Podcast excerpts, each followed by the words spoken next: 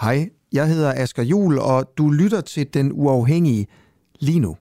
Du skal bare lige huske, at vi sender live hver morgen fra 7 til 9 på vores app. Og på appen kan du også finde nogle af vores andre programmer, der kun er for medlemmer. For eksempel podcasten Spionchefens Hemmelighed, hvor jeg prøver at finde ud af, hvorfor spionchef Lars Finsen er sigtet for at lægge statshemmeligheder. Hvad mener politiet, han har lægget? Hvorfor ordnede man egentlig ikke sådan det her i hemmelighed bag gardinerne? Hvilken rolle spillede Mette Frederiksen egentlig, og hvem er Lars Finsen? Nå, ikke mere om alt det. Du kan høre det i podcasten. Download vores app og bliv medlem, hvis du vil høre for eksempel det her program. Ja, og så slipper du i øvrigt også for den her irriterende besked i din daglige nyhedspodcast.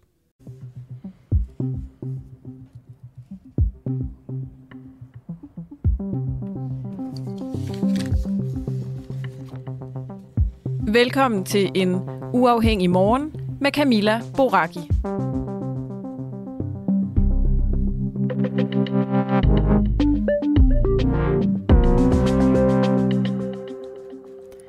Rigtig god Eid. Sådan skrev Mette Frederiksen på Facebook til muslimerne i Danmark. En øh, sådan tilsyneladende uskyldig lykønskning har så indtil videre fået næsten 4.000 mennesker til at kommentere på Mette Frederiksens opslag.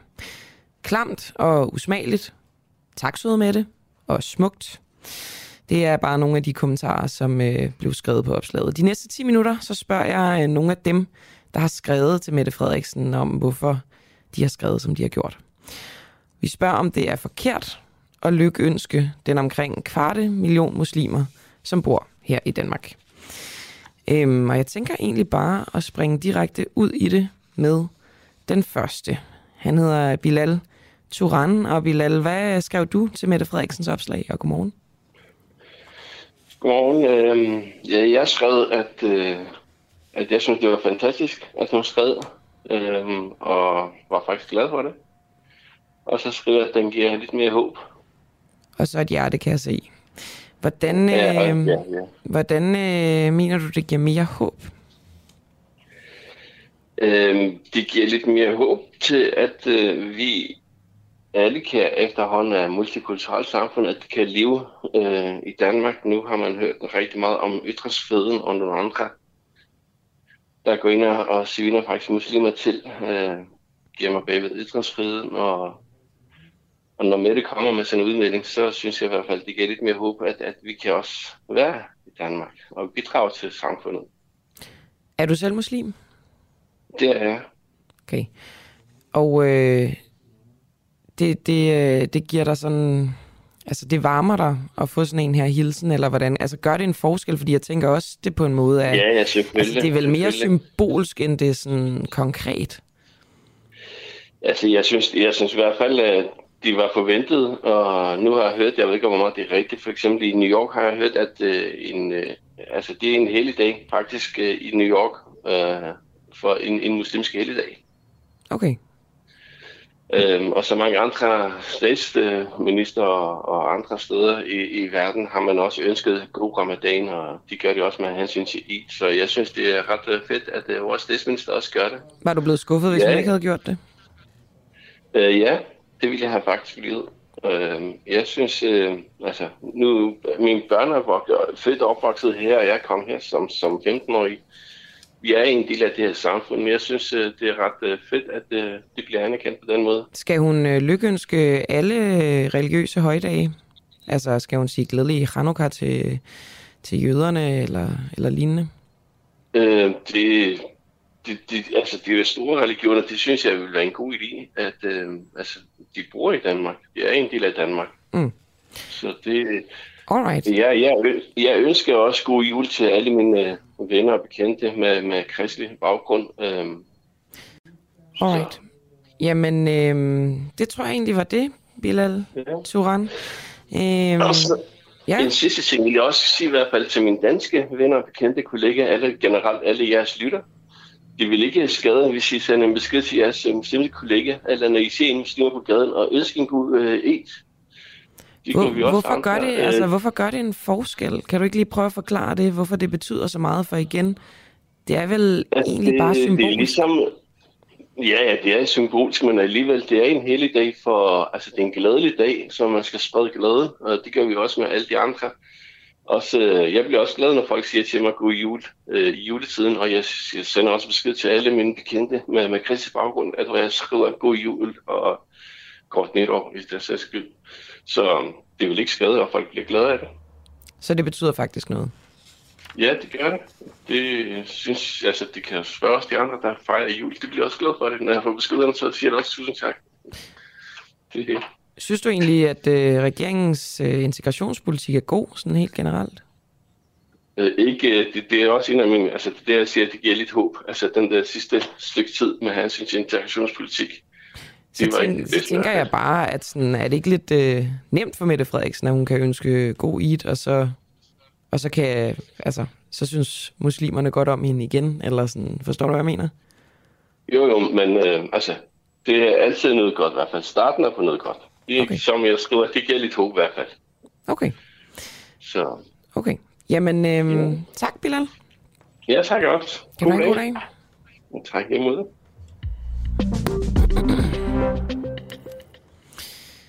Nu skulle jeg have talt med øh, en, der hedder Claus Pedersen, som skrev til det her opslag. Hvor er det klamt af vores statsminister.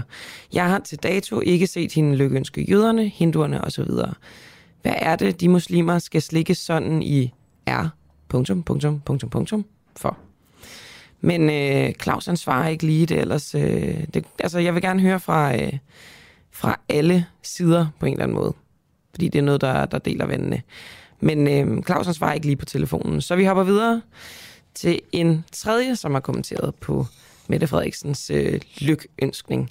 Han hedder øh, Mustafa Sayeh, og øh, Mustafa, er du med mig nu? Det, er- det er jeg. Godmorgen. Godmorgen. Hvad, hvad skrev du til øh, Mette Frederiksens opslag? Øh, Jeg, jeg skrev, hvis jeg lige skal læse op. Øhm, tak, kære statsminister. Øh, dog er der ikke så meget glæde ved at her. Øh, når man har forladt islam, og ens familie samtidig ikke længere taler med en af samme grund, ja, så, så er det ikke så hyggeligt. Øh, jeg kunne selvfølgelig bare vende tilbage til islam og lade som om, at det var godt, og så kunne jeg sidde med familien og glæde mig over, at statsministeren ønskede os en glædelig Eid. Alt imens det lød som om, jeg var muslim. Fryd og gammel. Øhm, så lidt, lidt øh, ironisk, selvfølgelig sarkastisk skrevet, ikke? Øh, og så skriver så med venlig hilsen øh, en eks-muslim. Okay, så hun overser ligesom dem, der har et mere anstrengt forhold til islam med det her opslag. Ja, altså det, det, det bunder jo i, at der, og det er jo noget, jeg har oplevet rigtig meget øh, gennem mit liv, ikke? Altså det bunder i, at øh, der er mange altså danske ikke-muslimer, kan man sige, som er velmenende og som mener det godt, når de siger det, men som faktisk altså indirekte er med til at fastholde en som mig i, i den her rolle som muslim. Altså jeg har jo kæmpet i mange år med at bryde med islam og bryde ud af det, ikke? Og der er mange konsekvenser, der følger med i det. Øhm, så, så du kan godt se, at den der fastholdelse i rollen, øhm, det, den oplever jeg, den, den bliver egentlig over, øh, overset. Men, men prøv lige at forklare mig, hvordan Mette Frederiksen fastholder dig i rollen som muslim ved at skrive glædelig Eid. Altså hvis du ser isoleret set kun på det her med Eid, hvis du kun ser det her som en, øh, en lykønskning, ligesom man siger glædelig jul og sådan noget, så kan jeg godt se, så, så bliver det sådan bagatelliseret, som om at det ikke er noget, men i virkeligheden så er det jo en blåstempling af islam. Altså alt, hvad der følger med islam, det synes jeg, man skal være meget kritisk overfor. Og især som statsminister.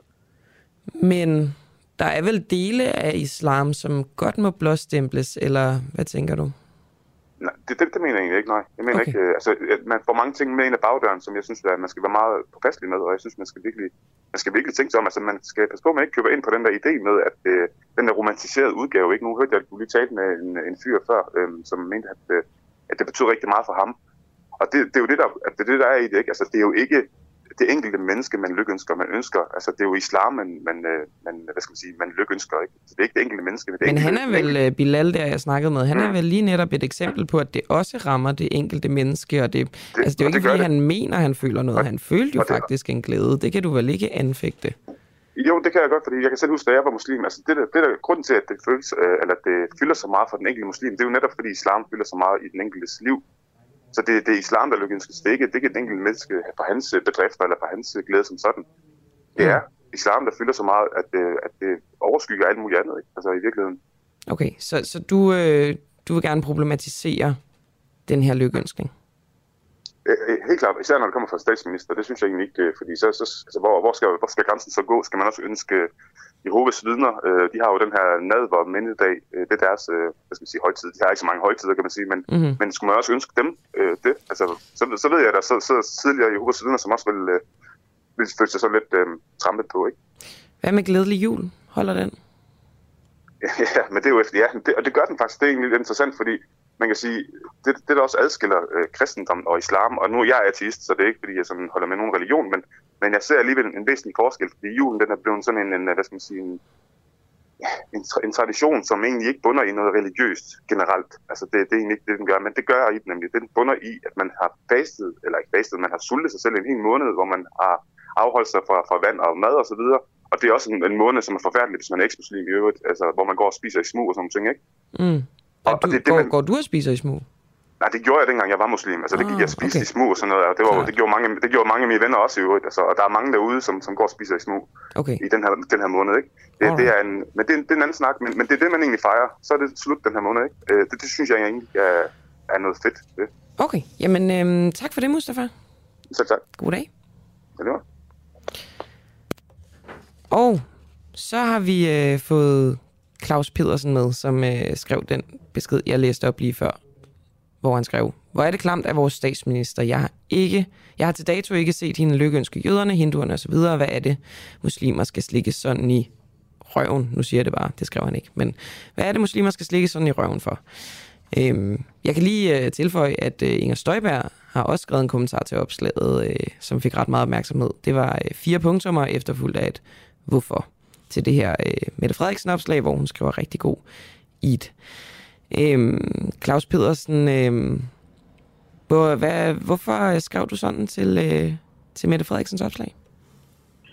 Det gjorde jeg, fordi at jeg bliver harm over, er harm over, at vores øh, siddende regering, vi har i øjeblikket med de støttepartier, der er til den forståelsespapir, der er lavet, de i høj grad øh, søger deres opbakning og deres stemmer i det muslimske miljø i Danmark. Vi så det jo med Morten Østergaard, inden han trådte ud af Radikale Venstre, hvordan han var rundt ved de forskellige moskéer og den slags ting, og, og, og så, sin, øh, så sin frø. Jeg synes ikke, det kan være rigtigt, at, øh, at der er et enkelt trosamfund i Danmark, der skal hyldes, fordi de har nogle religiøse traditioner, de skal, de skal føre ud i livet. Men kan man det, ikke sige, at det, det står de politiske partier frit for at bruge alle knep, der skal til for at hente stemmer? Jo, det kan du, det kan du, det kan du så dels godt have ret i, men, men jeg synes, det her det er så religiøs en øh, øh, befolkningsmasse, at, at, at hvis den får, får øh, mere og mere magt øh, i, i vores Danmark, som er som er et øh, øh, kristent samfund, så, så øh, på den lange bane, den rigtig lange bane, jamen så går vi jo hen måske og får drejet samfundet i, i den gale retning, hvilket det allerede, synes jeg, på nuværende tidspunkt øh, allerede er ved at ske. Claus, øh, hurtigt til sidst, for vi har ikke så meget tid, men hvad var det helt konkret, der var klamt ved lykkeønskningen? Jamen det er, at hun, øh, hun går ud og hylder øh, en, øh, en IT-fest øh, for, for, for en, for en, øh, en enkelt øh, befolkningsgruppe. Øh, jeg har aldrig endnu set øh, Mette Frederiksen gå ind på Facebook og de andre sociale medier og ønske, ønske os normale danskere, som egentlig har bygget det samfund herop, som de der mennesker, de kommer og, og nyder godt af. Øh, god påske, god jul og god pinse og alle de der ting. Men det er altid den der øh, trosamfund der, de bliver hyldet hver evig eneste år, og det kan simpelthen ikke være rigtigt. Det, jeg synes, det er at tage så meget tyk pis på de etnisk danske statsborgere og skatteydere. Alright. Jamen, øh, tak for det, Claus. Det er jo. God dag. I måde. Klokken den er blevet 13 minutter over syv, og øh, jeg hedder Camilla Boraki. Det er en uafhængig morgen, du lytter til, og vi sender frem til klokken 9. Og nu skal vi tale om, om hvorvidt tiden er inde til et MeToo-opgør med Simon Spies. Der er nemlig kommet en ny podcast under navnet Simon Spies privatsekretær. Og øh, i den podcast, der fortæller rejsekongens tidligere sekretær, Susie Sheikh, hvordan hun brugte, hvordan han brugte, undskyld, sårbare unge mellem 15 og 18 år seksuelt, som de såkaldte morgenbolledamer, som øh, mange nok vil have hørt om. Og øh, jeg tænker lige at spille et lille klip fra denne her øh, podcast, som øh, er lavet af Nikolaj Kirk for Podimo. Det er relevant, fordi at der stadigvæk forhåbentlig sidder nogen af Simon Spises tidligere øh, piger, øh, bolledamer, ude i landet øh, med følelsen af at have gjort noget forkert. Det er jo sådan med seksuelle krænkelser, at følelser som skyld og skam følger lige i kølvandet. Men Simon har jo ikke tvunget dem til at ligge i seng. Det var noget, de gjorde frivilligt, jo. Ja, det var piger, som øh, kom fra ressourcesvage hjem, som ikke havde lært at sige her til jeg ikke længere, som ikke havde lært at tage konsekvenserne af deres handlinger. Og det er her Simons ansvar kommer ind. Han skulle have taget konsekvenserne på deres vegne. Han skulle have øh, mere tydeligt fortalt, at du må godt være min kæreste, og jeg vil godt give dig lidt penge for det, men det er ikke en tilværelse for dig. Men vi kan godt hygge os lidt her nu, hvis du synes, jeg er noget særligt. Vi snakker om piger, som er under 18 år.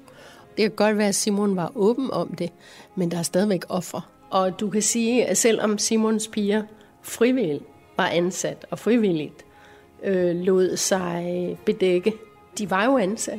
Simon Spies piger var jo allerede ansat, var i gang med et karriereforløb, var i gang med en uddannelse i, nede i rejsekontoret. Da de bliver øh, bedt om at gå op i Simons seng, og at de vil få 10.000 kroner, hvis de går op og går i seng med ham. Bare den ene nat. Ja, sidste år øh, ville Simon Spies være fyldt 100 år, og i den forbindelse der skrev øh, rejsebyrådet blandt andet. I hele koncernen lever Simon Spis ånd videre i bedste velgående, og derfor er det også med største selvfølger, men i dag fejrer stifteren og livsnøderen, der på alle måder sat kulør på danskerne, såvel som hele rejsebranchen. Anna Thysen, er det klogt at skrive sådan, at øh, Simon Spises ånd lever videre i bedste velgående? Og godmorgen. Godmorgen. Mm, altså, nu øh, kan jeg jo bruge et gammelt øh, udtryk, der hedder set i øh, bagklogskabens ulidelige klare lys, så er det jo ikke. Men, øh, men det virker jo ikke som om, at, øh, at, at der har været nogen altså bevidst viden om, hvordan han også var. Øh, så, så det, øh, jeg har også været inde og, og kigge på alt det, og bliver også sådan helt, altså han, han virker jo øh, som Danmarks svar på, svar på Epstein eller, eller Winegate, øh, øh, uden at jeg skal lave en en-til-en sammenligning. Men det er da i hvert fald noget af det værste, vi har hørt sådan, øh, i, i, den, i, i, i den slags branche. Mm. Så, øh, så, men, men altså, det er jo en anden tidsånd, og folk har jo accepteret det dengang. Altså, som der også blev sagt før, øh, altså, man vidste godt, han gjorde det, men, og man billigede det jo faktisk. Og det gør jo, at det kan godt blive svært at, Øh, at se det øh, med de der helt nye øjne og komme igennem med alt fra navne, øh, ændring af rejser til, at han ligesom skal udskrives af historien. Det, øh, men jeg skal ikke kunne sige, øh, hvordan sådan en den kan rulle, og så kunne det være, at man kunne, ville blive enige om det. Jamen lad os nu sige, at den ruller på bagkant. Der er måske nogle af de her øh, morgenbollepiger, der står frem og, og så videre. Altså, kan man så bære for sådan et stort rejsebureau? Vil det så være klogt at bære hans navn? Eller vil det være, altså i et kommunikationsperspektiv? Ja, ja det er klart. Ja, altså nu taler vi jo for det første om et, øh, et brand, der i hvert fald direkte over for kunderne Øh, det er jo charterrejser. Øh, det er nok ikke de mest vogue people, der bruger, øh, der, der tager på den type charterrejser. Så umiddelbart vil jeg tro, at, at, at man godt kan stå igennem det. Man må også sige, at Spis Rejser er jo ikke ejet af familien mm. mere. Det er Peter Stordalen, der i, øh, i Norge, der på et, jeg tror, altså jeg går ud fra, at han ejer øh, flere rejsebureauer, eller relativt nemt måske også bare i en anden slags manøvre og lade som om, at det havde vi planlagt i 100 år. Nu hedder det Stordalen Charter eller et eller andet. Mm. Altså det, det kan han faktisk godt, så jeg ser faktisk ikke det som det største problem. Øh, der, hvor jeg tænker, at han måske skal sidde og tænke sig om nu, det er at gøre det øh, relativt hurtigt, og måske altså i stedet for ligesom at først få alt balladen, og så gøre det. Men som krisekommunikation, øh, kunne det ikke være et uh, godt træk bare at sige, nu ligger jo, vi navnet fra os? jo, det kunne det. Øh, måske, altså, øh, altså, måske kunne han godt være bange for, at der er stadigvæk en del mennesker, der sådan siger, prøv at høre, manden er død, man kan ikke forsvare sig, vi ved ikke, om det er rigtigt. Han var en kæmpe tilskud til Danmark. Nu øh, må vi lige slappe af. Så derfor kunne man godt overveje, at de frygter sådan lidt, at det i første omgang vil have en, øh, en, en dårlig effekt på, ikke på brandet kun, men altså på selve omsætningen. Men altså, hvis man samtidig pakker det ind i, at det øh, har man været det har man villet hele tiden, og man kan godt se, at, at man har ikke, det er ny viden, og nu tager vi simpelthen lige og ændrer det og slår det her sammen med et af de andre restbrug, eller tager et mere et navn, der er tættere på Stordannens eget brand. Det, mm. det tror jeg som godt. Jo, det vil jeg, det vil jeg, altså jeg håber, de sidder og taler om det i et eller andet møde nu. Det ville du i hvert fald gøre, hvis du var ansat ja. der, Anna Thysen. Ja. Du er kommunikationsekspert og indehaver af PR-bureauet WeDo. Tak fordi du var med. Slet. Vi fortsætter faktisk med øh, det her, til trods for, at øh, der er gang i den inde i kommentarsporet på Facebook, hvor man også kan følge med på vores livestream. Claudia Andersen siger, stop nu, det er MeToo-halløj der, og Susanne Kellerup, og lad nu Simon S. hvile i fred. Men det kan godt være. Det er jo øh, faktisk sådan noget, jeg synes er ganske svært. Altså kan man ligesom give folk en tur i øh, MeToo, folkedomstolen, MeToo-karusellen på bagkant? Kan man, altså skal man, øh, skal man have sådan en woke-vækkelse på bagkant? Det, øh, det er jo sådan lidt svært at vurdere. Skal man øh, omskrive historien og, og så videre? Nu skriver Kåre Hansen, kan jeg se, at øh, Simon Spies var en stor mand. Det er jeg sikker på, han var, men man kan jo godt være både en stor mand og krænker på samme tid. Nå, nu skal jeg tale med Torben Havgård, som er medlem af Manderådet. Og Torben, øh, tænker du, at øh, Simon Spies morgendom, morgenbolledamer var sådan et systematisk misbrug af unge piger? Nej, det tror jeg da bestemt ikke, der var. Okay. Hvad, øh, så når hans sekretær går ud og siger, at det her foregik, og det var unge, sårbare piger, så taler hun usandt, eller hvordan? Nej, det tror jeg da ikke, men, men øh, hvem siger, at de var sårbare? Og øh, det, den ene ja, det siger ting, hun jo. Er, at, at, den anden ting er jo, at øh, så vidt jeg forstår, så, så var det jo frivilligt. Altså, det, de, var, de var ansat, øh, de gjorde det øh, efter egen fri vilje. Men er det ikke lige netop der, den ligger? Altså hele pointen med MeToo er vel netop, når folk er ansat, så er der sådan en underliggende hvad skal man sige, ikke tvang, men, men der er et magtforhold, som gør, at man kan gøre ting, man ikke ville have gjort, hvis man ikke var ansat, for eksempel. Men, men det, altså jeg synes, i det hele taget synes jeg jo, at, at hele den her MeToo-krænkelseshistorie, den er jo stukket helt af. Altså man, man, man ser jo krænkelser alle vejen efterhånden, og begynde at, at gå tilbage i tiden og kigge på den måde, som han markedsførte sin, øh, sin rejsevirksomhed på. Og, øh, og, og, og hvor, hvor han havde unge kvinder, som, øh, som øh, blev ansat hos ham, og som var hos ham. Og vi skal lige huske på, at vi er i en tid, vi er i en tid, hvor, hvor, hvor, det, var, hvor det var lovligt at producere børneporno og sælge børneporno her i landet. I øvrigt i øh, støttet af, af, af hvad skal man sige, venstrefløjen øh, hvor, hvor kvindefrigørelsen og den fri seksualitet osv. Øh, var op i tiden. Der var også nogen dengang, der sagde, at det her, det er ikke særlig godt. Men øh, det, det, der blev munden lukket på dem. Øh, så, så, så vi skal huske på, at vi skal kigge på ting, der sker i en bestemt tid, i en bestemt kultur. Og det kan vi ikke komme med nutidens briller og begynde at dømme over. Vi kan godt have en holdning til, at det var måske ikke specielt smart, men så vidt jeg ved, så er der ikke foregået noget kriminelt. Mm. Og det er der, den ligesom skær for dig? Ja, det er... Fordi man kan sige, det, ikke... det, det trækker jo også tråd op til nutiden, fordi de ligesom stadig brander sig på, øh, på Simon Spies. De deler navn med ham, det her rejsebureau, men også øh, skriver de i forbindelse med en hyldest af hans 100 år, at Simon Spies' ånd lever videre i bedste velgående ikke? i hele ja, koncernen. Ja, og der er lavet en film om ham. Mm. Ja, og, og, øh, og så længe at kunderne de køber rejser, og de ikke på den måde fordømmer ham ved at lade være med at købe øh, spises rejser, så, så, så længe der ikke er foregået noget kriminelt, så, er der ikke, så, så skal vi ikke komme og begynde at dømme det på nuværende tidspunkt. Så det er op til kunderne at afgøre i virkeligheden? Ja, det er det. Det, det er sådan noget, sådan noget ordner markedet øh, sig selv. Og, og i øvrigt vil jeg sige, at jeg synes, at øh, det er det, jeg fornemmer i de her tider i øjeblikket, at en meget, meget stor del af den danske befolkning synes, at det her krænkelseshysteri, det er stukket helt af. Hvordan, nu, vi, nu går vi øh, i TV2, der var vi tilbage 20 år tilbage. Mm. Nu, er vi så, nu er vi så 40-50 år tilbage, hvor vi skal begynde at vurdere og dømme noget på noget, man har, øh, man har fået etableret her i, i, i de år her. Og hvor langt skal vi tilbage og begynde at fordømme historien? Det er, jo, øh, det er jo meget individuelt, hvor længe man synes, man skal gå tilbage. Men jeg tænker på, hvordan, øh, hvordan ved du, at så mange er trætte af det?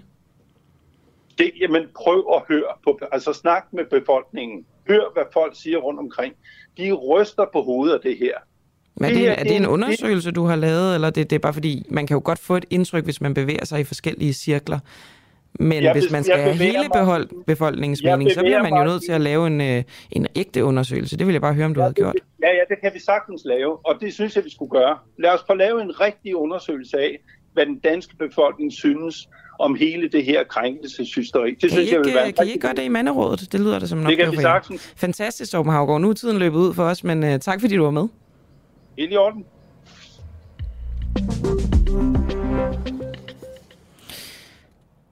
Øh, der var en mand, som jeg rigtig gerne ville tale med i forbindelse med det her Simon Spis, øh, hvad skal man sige, den her podcast, der er kommet ud, øh, hvor hans sekretær, hans privatsekretær fortæller om, at han, øh, han simpelthen har krænket og misbrugt unge sårbare piger som de her morgenbolledamer. Og den mand, jeg gerne ville tale med, han hedder Peter Olbæk Jensen, fordi og det er uden sammenligning til, til det, jeg lige sagde før, men, men det er vel på en eller anden måde en, en form for moderne Simon Spies. En levemand, der er sådan øh, lidt ligeglad med, hvad, hvad andre siger og tænker om ham. Øh, og Peter Olbæk tror jeg nok, at vi har fået med sidst i programmet, altså sådan noget 10 minutter i 9. Josefine Fock, øh, var Simon Spies morgenbolledamer et systematisk misbrug af unge piger? Altså, i den beskrivelse, der er øh, af den pågældende journalist, der, der må jeg jo nok sige, der, der virker det jo sådan. Okay. Øhm, og tænker du godt, at det ligesom skal have en indflydelse, det her med at kigge 50 år tilbage i tiden, øh, så finde ud af noget nyt, og så skal det have en indflydelse på, hvordan vi betragter både historien, men måske også rejsebureauet i dag? Jamen det vil det jo automatisk få. Altså det, at man får indblik i, hvordan tingene foregik på den måde, og, og med den, hvad skal man sige, den måde, vi, vi ser på tingene i dag, og, og jeg synes jo heldigvis, vi er blevet klogere øh, på, hvordan vi skal, vi skal behandle hinanden. Der, øh, der er det da klart, at det vil få en indflydelse på, hvordan vi tænker om Spis, og om øh, hvordan han drev sin, sin virksomhed. Okay, så det, der taler du ligesom om, øh, om, hvad der vil ske hos den enkelte, eller folkestemningen måske, øh, der omgiver Simon Spis. Men hvad med selve, hvad skal man sige, selve koncernen? Skal de også lægge afstand til ham? Oh, det ved altså ja, altså jeg synes jo på den måde, at, at, at sådan er det jo altid, når man, øh, når man graver i historien og så ser på, hvordan, hvordan, hvordan blev tingene opfattet på det pågældende tidspunkt, og er der nogle faktuelle ting, som man måske ikke var opmærksom på på det pågældende tidspunkt, eller var der noget, man var opmærksom på, men som folkestemningen var en anden omkring. Altså alt sådan nogle ting skal jo influere, og, og det er da klart, det, det skal der også influere i koncernen, hvordan de, hvordan de ser på deres skaber, kan man sige. Mm. Så var det et ja eller nej til, at de skulle ændre navn? Når ændre navn? Nå, men ja. jeg, har ikke, jeg, har, jeg har ikke været en del af det. Jeg har desværre ikke fået haft mulighed for at høre jeres program hele vejen. Ah, det, det, det, det synes jeg, det må de sådan set selv om. Altså, det, det har jeg ikke så nogen holdning til. Det, det, jeg har en holdning til det, som jeg synes er vigtigt, det er, at vi alle sammen bliver klogere, og at, øh, og at øh, at vi øh, forhåbentlig ikke vil opføre os på den måde i dag, og at øh, hvis Spis havde levet i dag, jamen, så vil han heller ikke have opført sig på den måde, fordi øh, tiden er en anden. Om koncernen skal ændre navn, det, øh, det, har jeg, det synes jeg, det, uh, det har jeg sådan set ikke nogen holdning til. Det synes jeg ikke umiddelbart, fordi det er jo Spis, der er grundlægger. Men, men men det er klart, at man bliver nødt til at tage afstand fra den måde, han, han misbrugte systematisk de her unge kvinder på. Mm, men hvordan, hvordan skal man så tage afstand? For et er, hvis øh, koncernen går ud og siger, at vi tager afstand. Det ved vi jo godt, det er det nemmeste i hele verden. Så... Om jeg tror, det der med, at vi alle sammen, altså bliver, altså alle sammen bliver klogere på, hvordan tingene skete dengang. Altså det er jo lidt ligesom, når du ser på historieskrivningen om 2. verdenskrig, at øh, i mange, mange år har vi alle sammen gået og troet, at vi alle sammen var frihedskæmper, og, og alle var frihedskæmper, ikke? Og så er der jo blevet udrullet mere og mere, at øh, det var vi måske ikke alle sammen, og så videre. Uh, det, er jo, det er jo vigtigt, at vi bliver klogere på historien, så om det, om det får den konsekvens, at Spis-koncernen ikke skal hedde Spis mere, det har jeg sådan set ikke den store holdning stilling til, men det er jo vigtigt, at de mennesker, der også arbejder i Spiskoncernen og spiskoncernens ledelse, øh, tager afstand fra. Sådan skulle man selvfølgelig ikke have, have opført sig i dag. Så i virkeligheden hører jeg dig sige, det her med at cancele ting og folk, og især på bagkant måske, det er ikke noget, du tænker, man skal. Du vil hellere bare information og oplysning og viden? Jeg, jeg synes, det er utroligt. Det er meget, meget forskelligt om, om øh, hvad, hvad, det, altså, hvad det handler om, og hvordan man skal gøre det. Øh, jeg synes, at øh, man skal også passe på, at man ikke... Øh, Altså, at man ikke, altså i virkeligheden, hvis man kan man sige, hvis Spiskoncernen ændrer navn, så de ikke hedder Spis mere, jamen så glemmer vi måske den her del af historien. Og jeg synes, det er utrolig vigtigt, at der er opmærksomhed på den, og at vi, og at vi, vi ved, at, at den her, altså det var måden, han kom frem, og på den her måde skal vi, skal vi ikke gøre tingene i dag. Altså jeg vil hellere sørge for, at der er opmærksomhed på det, og at vi, at vi lærer af det. Om der så skal ændres navn eller ej, det, det, det, det, har, jeg ikke, øh, det har jeg ikke lige nogen mening om at indrømme. Josefine Fock, øh, lige her til sidst, øh, jeg snakkede lige med Torben Havgård, som er medlem af Manderådet, og han øh, sluttede interviewet med at sige, at han mente, at altså, en stor del af den danske befolkning var rigtig træt af den her krænkelseskultur, som den bliver kaldt. Du har jo været politisk leder for Alternativet. Jeg tænker, du bevæger dig i nogle andre cirkler end, end Torben Havgård. Er det også din fornemmelse, at et flertal er træt af krænkelseskulturen, og MeToo, og cancel og wokeness, og alt det der? Altså, jeg tror ikke, hvis du spørger størstedelen af kvinderne, øh, så må jeg sige, og jeg bliver uendelig træt af det der med, at man kalder det krænkelseskultur og krænkelsesparathed. Mm. Jeg synes, det er utrolig vigtigt at få, få opmærksomhed på de ting, der er sket, og, og at vi alle sammen kan lære af dem. Og jeg er rigtig, rigtig glad for MeToo-debatten øh, i forhold til at få opmærksomhed øh, omkring, at øh, der, der er visse måder, man ikke skal opføre sig på. Men er der ikke også øh, den mulighed, at du ligesom bare, det gør jeg også selv, det kan jeg lige så godt sige, bevæger os i nogle cirkler, hvor at øh, man har en, en anden holdning, en anden vækkelse på den front? Det kan da godt være, men øh, der må jeg så bare sige, at øh, der vil jeg så gerne være med til at tage ansvaret for, at vi holder fast i, at MeToo-debatten øh, er vigtig. Det er utrolig vigtigt at få opmærksomhed på, på de sager, der er foregået, og det er utroligt. Altså, jeg er så glad for, at jeg tror simpelthen ikke, en spis ville kunne have drevet sin virksomhed på samme måde i dag. Jeg er faktisk helt overbevist om, at det ville han ikke have kunnet. Og det er jeg bare rigtig, rigtig glad for. Jeg synes, det er, det er overhovedet ikke på sin plads at, at drive en virksomhed, øh, øh, hvor man har systematisk sex med, med, med, med piger, der er under 16 år, og, øh, og, og så helt, altså helt, helt unge piger på den her måde, og sådan som det også er kommet frem, piger, som jo øh, kommer fra dårligere sociale lag. Så nej, jeg er på ingen måde træt af, af hele den her MeToo-debat. Jeg synes, den er utrolig vigtig, og jeg, jeg håber, den fortsætter, mm. og jeg håber, at vi bliver ved med at lære af, af fortiden. Tak for det, Josefine Fox, selvstændig øh, rådgiver, altså som sagt tidligere politisk leder for Alternativet. Tak skal du have. Og så skifter vi spor. Klokken er blevet næsten 7.33. Du lytter til en uafhængig morgen, hvor vi nu skal tale om, om Trine Bremsen og den socialdemokratiske regering er hykleriske. Tilbage i december 2020 var det ifølge den daværende forsvarsminister Trine Bremsen en dårlig idé at afskaffe forsvarsforbeholdet. De her udtalelser, dem kom hun med i øh, DK4's program Europa i en verden i opbrud, hvor hun debatterede med øh, Venstres Jan E. Jørgensen. Og jeg tænker, at jeg lige vil spille et øh, lille klip, hvor Trine Bremsen hun, øh, hun udtaler sig om det her.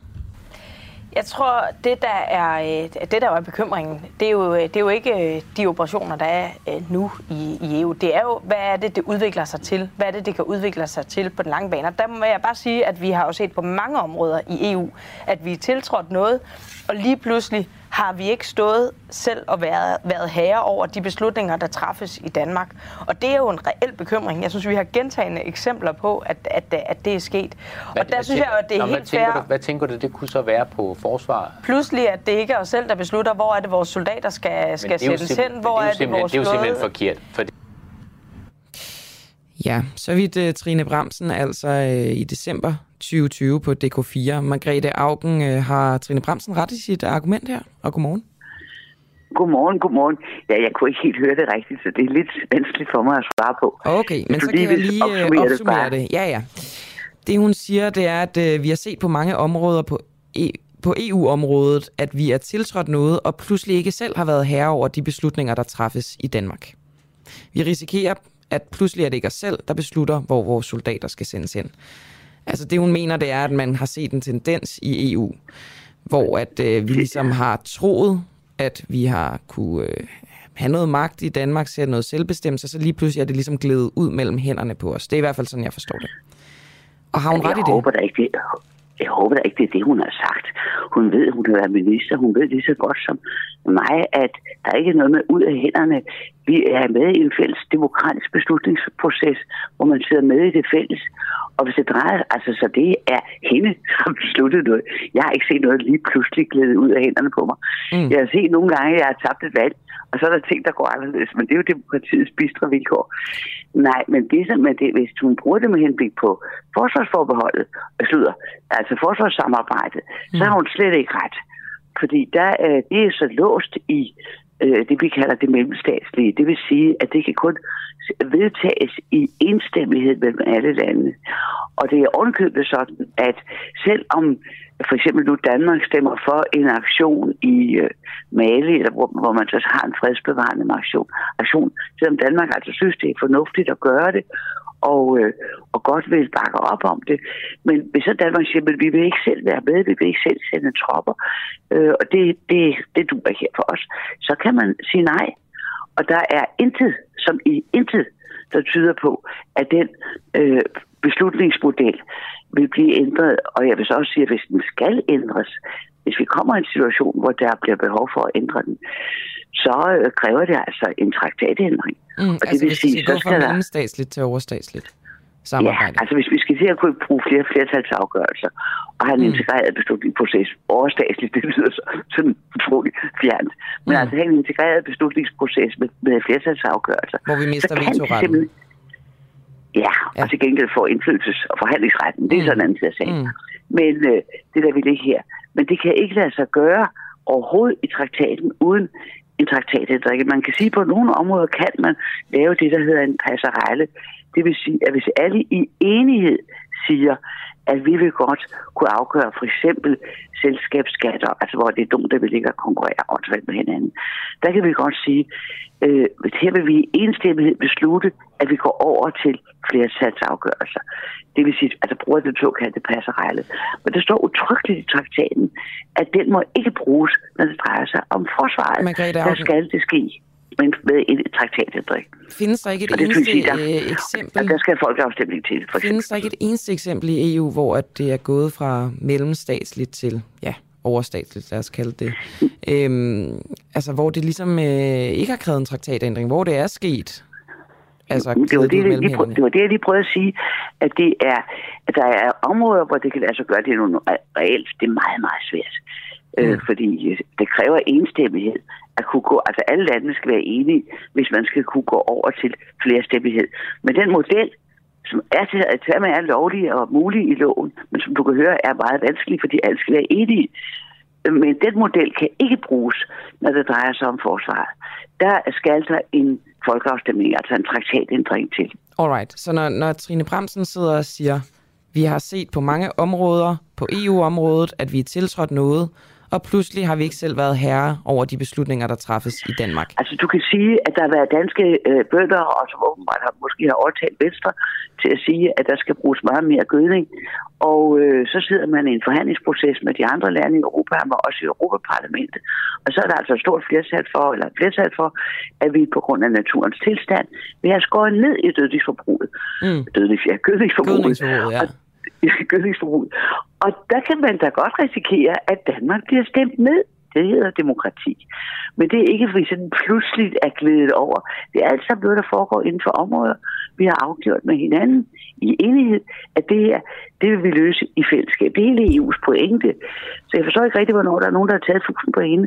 Ja, og hun har sovet i timen. Jeg synes, det er mærkeligt. Altså, hun er jo øh, forsvarsminister på det her tidspunkt, Jeg hvor hun, forstår, hun ja. udtaler det. Hvorfor? Og jeg synes, altså nu sidder jeg bare her som øh, almindelig vælger. Og, Det kan jeg ikke. og, Og kan ikke forstå, hvad det er, hun siger. Det kan jeg heller Nej, ikke. det kan jeg ikke. Altså, jeg, jeg vil sige, det bliver ret svært at navigere Nej. i den her debat. Jo, fordi der sidder hun og debatterer med, øh, med Janne. Jørgensen. Ikke? Det er en forsvarsminister. Hun siger noget, som du siger her, Jamen. er altså direkte forkert. Hvordan i Nej, alverden skal ja, man nu- navigere i det?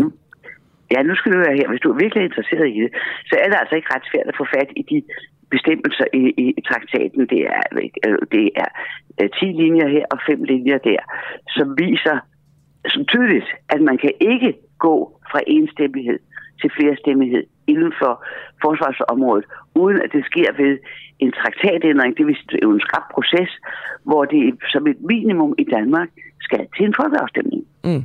Ved du hvad, der er sjovt, Det står der. Det kan da godt være, at hun sidder og siger noget andet, men det står der, og, og jeg kan sige det endda så øh, øh, næsten næsten mismodigt, at selv det, der er vedtaget i EU, det er altså inden for for eksempel fælles våbenindkøb, så man ikke spiller penge, og det skal kunne fungere sammen. Det er reelt ikke kommet i gang.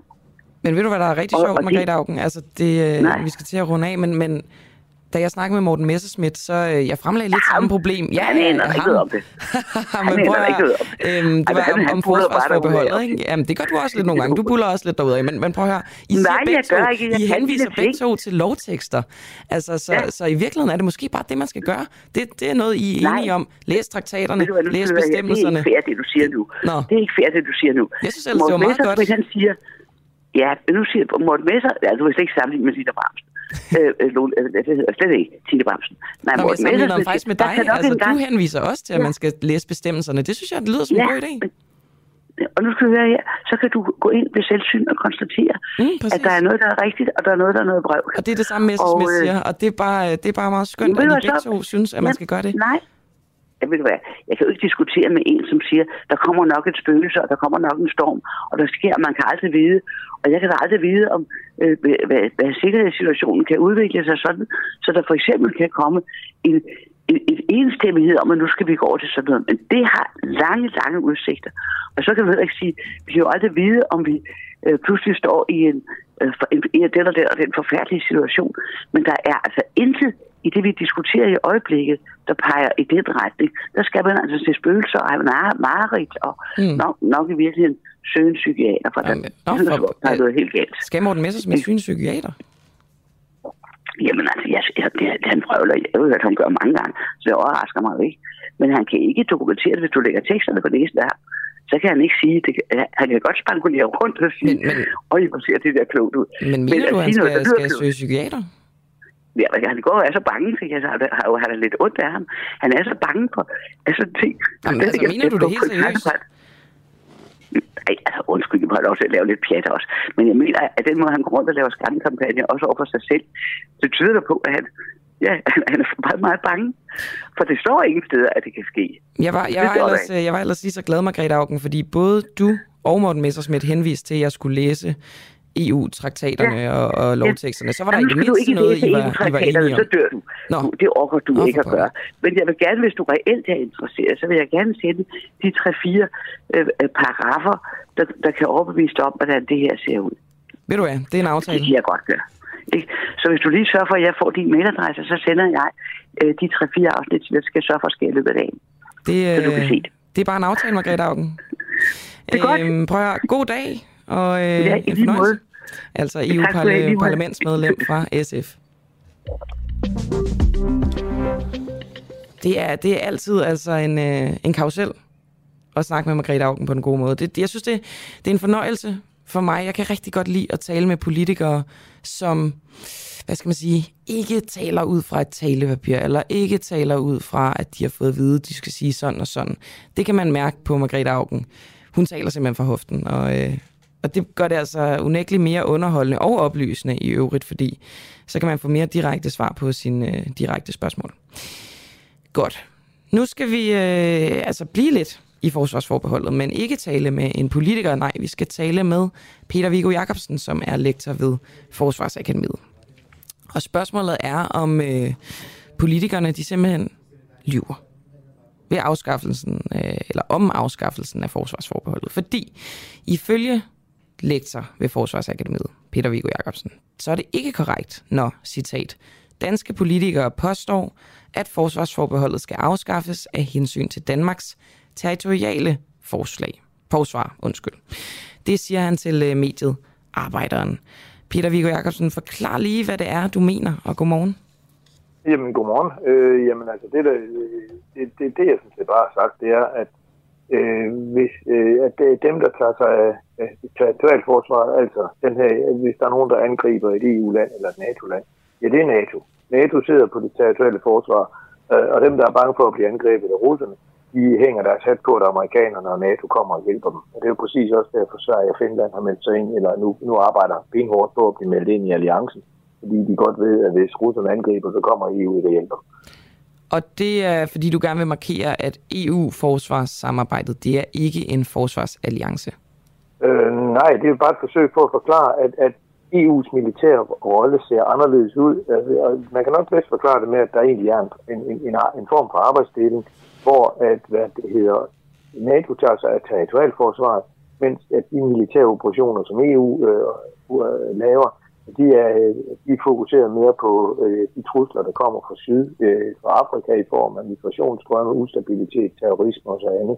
Men... Der, hvor EU har gået ind og opereret, det har været øh, pirateribekæmpelse, det har været stabilisering af hvad det hedder, Bosnien, og så er det også forskellige træningsmissioner rundt omkring i Afrika, hvor de træner lokale styrker, så de kan tage vare på egen sikkerhed. Men kunne man ikke sige, at nogle af de missioner, altså bare nogle af dem, var sådan en indirekte beskyttelse af ens af vores territorier?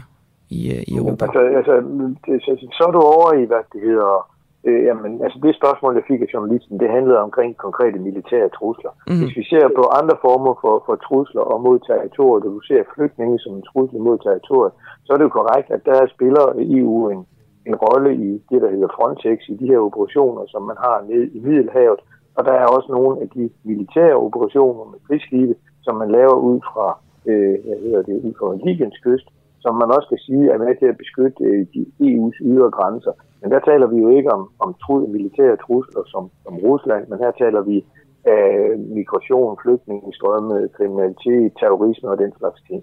Øh, så det var sådan set det, det, jeg forholdt mig til, da jeg fik det spørgsmål. Mm. Jeg synes jo, det var spændende, det her citat, fordi du, øh, du skriver, eller du udtaler, at det ikke er korrekt, når danske politikere påstår, at forsvarsforbeholdet skal afskaffes af hensyn til Danmarks territoriale forslag, forsvar. Du har lige forklaret, øh, hvorfor. Nu kan jeg godt tænke mig at spørge, hvilke politikere er det helt præcis, som, øh, som påstår det her? Men der har været flere ude at argumentere for, at, hvad det hedder, at når man skal hvad det hedder, hvad det hedder, øh, støtte EU, så er det for, at EU EU's øh, mission, missionen skal være med til at, at beskytte os imod Rusland, og det mener jeg simpelthen ikke er korrekt, for det er ikke den rolle, som, som hvad det hedder, EU vil få. Hvem, hvem, får, hvem er det, der de, har påstået det Hvis de, får, hvis de får en større, hvad det hedder, hvis de får en større, øh, hvad hedder, noget militær rolle, end de har i dag, mm. det, vil kun, det vil kræve, at, at USA ikke, hvad det hedder, USA ikke længere er i Europa, er der ikke noget, der siger på. Men, men hvem er det, der har påstået altså, det her? Jeg har da hørt, jeg har da hørt forsvarsministeren gå ud og bruge det som argument til, at man ja, det mener jeg simpelthen er, er faktuelt. Mm. Er der andre end forsvarsministeren? Der er flere, for jeg, jeg, kan, jeg kan ikke sætte andre navn på end det. Jeg blev mærke i, at jeg har hørt forsvarsministeren sige det, sige det i Folketinget. Altså Bødskov? Ja, korrekt. Alright. Jamen, øhm, det er bare fordi, at det, det kunne jeg da godt tænke mig at forholde ham i virkeligheden, alt det du siger her. Øhm, godt. Ved du hvad, jeg tror, det var det, Peter Viggo. Jamen, det er super. Fortsat god dag. I lige måde. Hej, ja, hej. hej. Ja, således Peter Viggo er altså lektor ved Forsvarsakademiet. Du lytter lige nu til Den Uafhængige. Danmarks måske mest kritiske, nysgerrige og levende radio. Hvis du har en god idé til en historie, så skriv til os på Facebook eller send os en mail. Adressen finder du på hjemmesiden.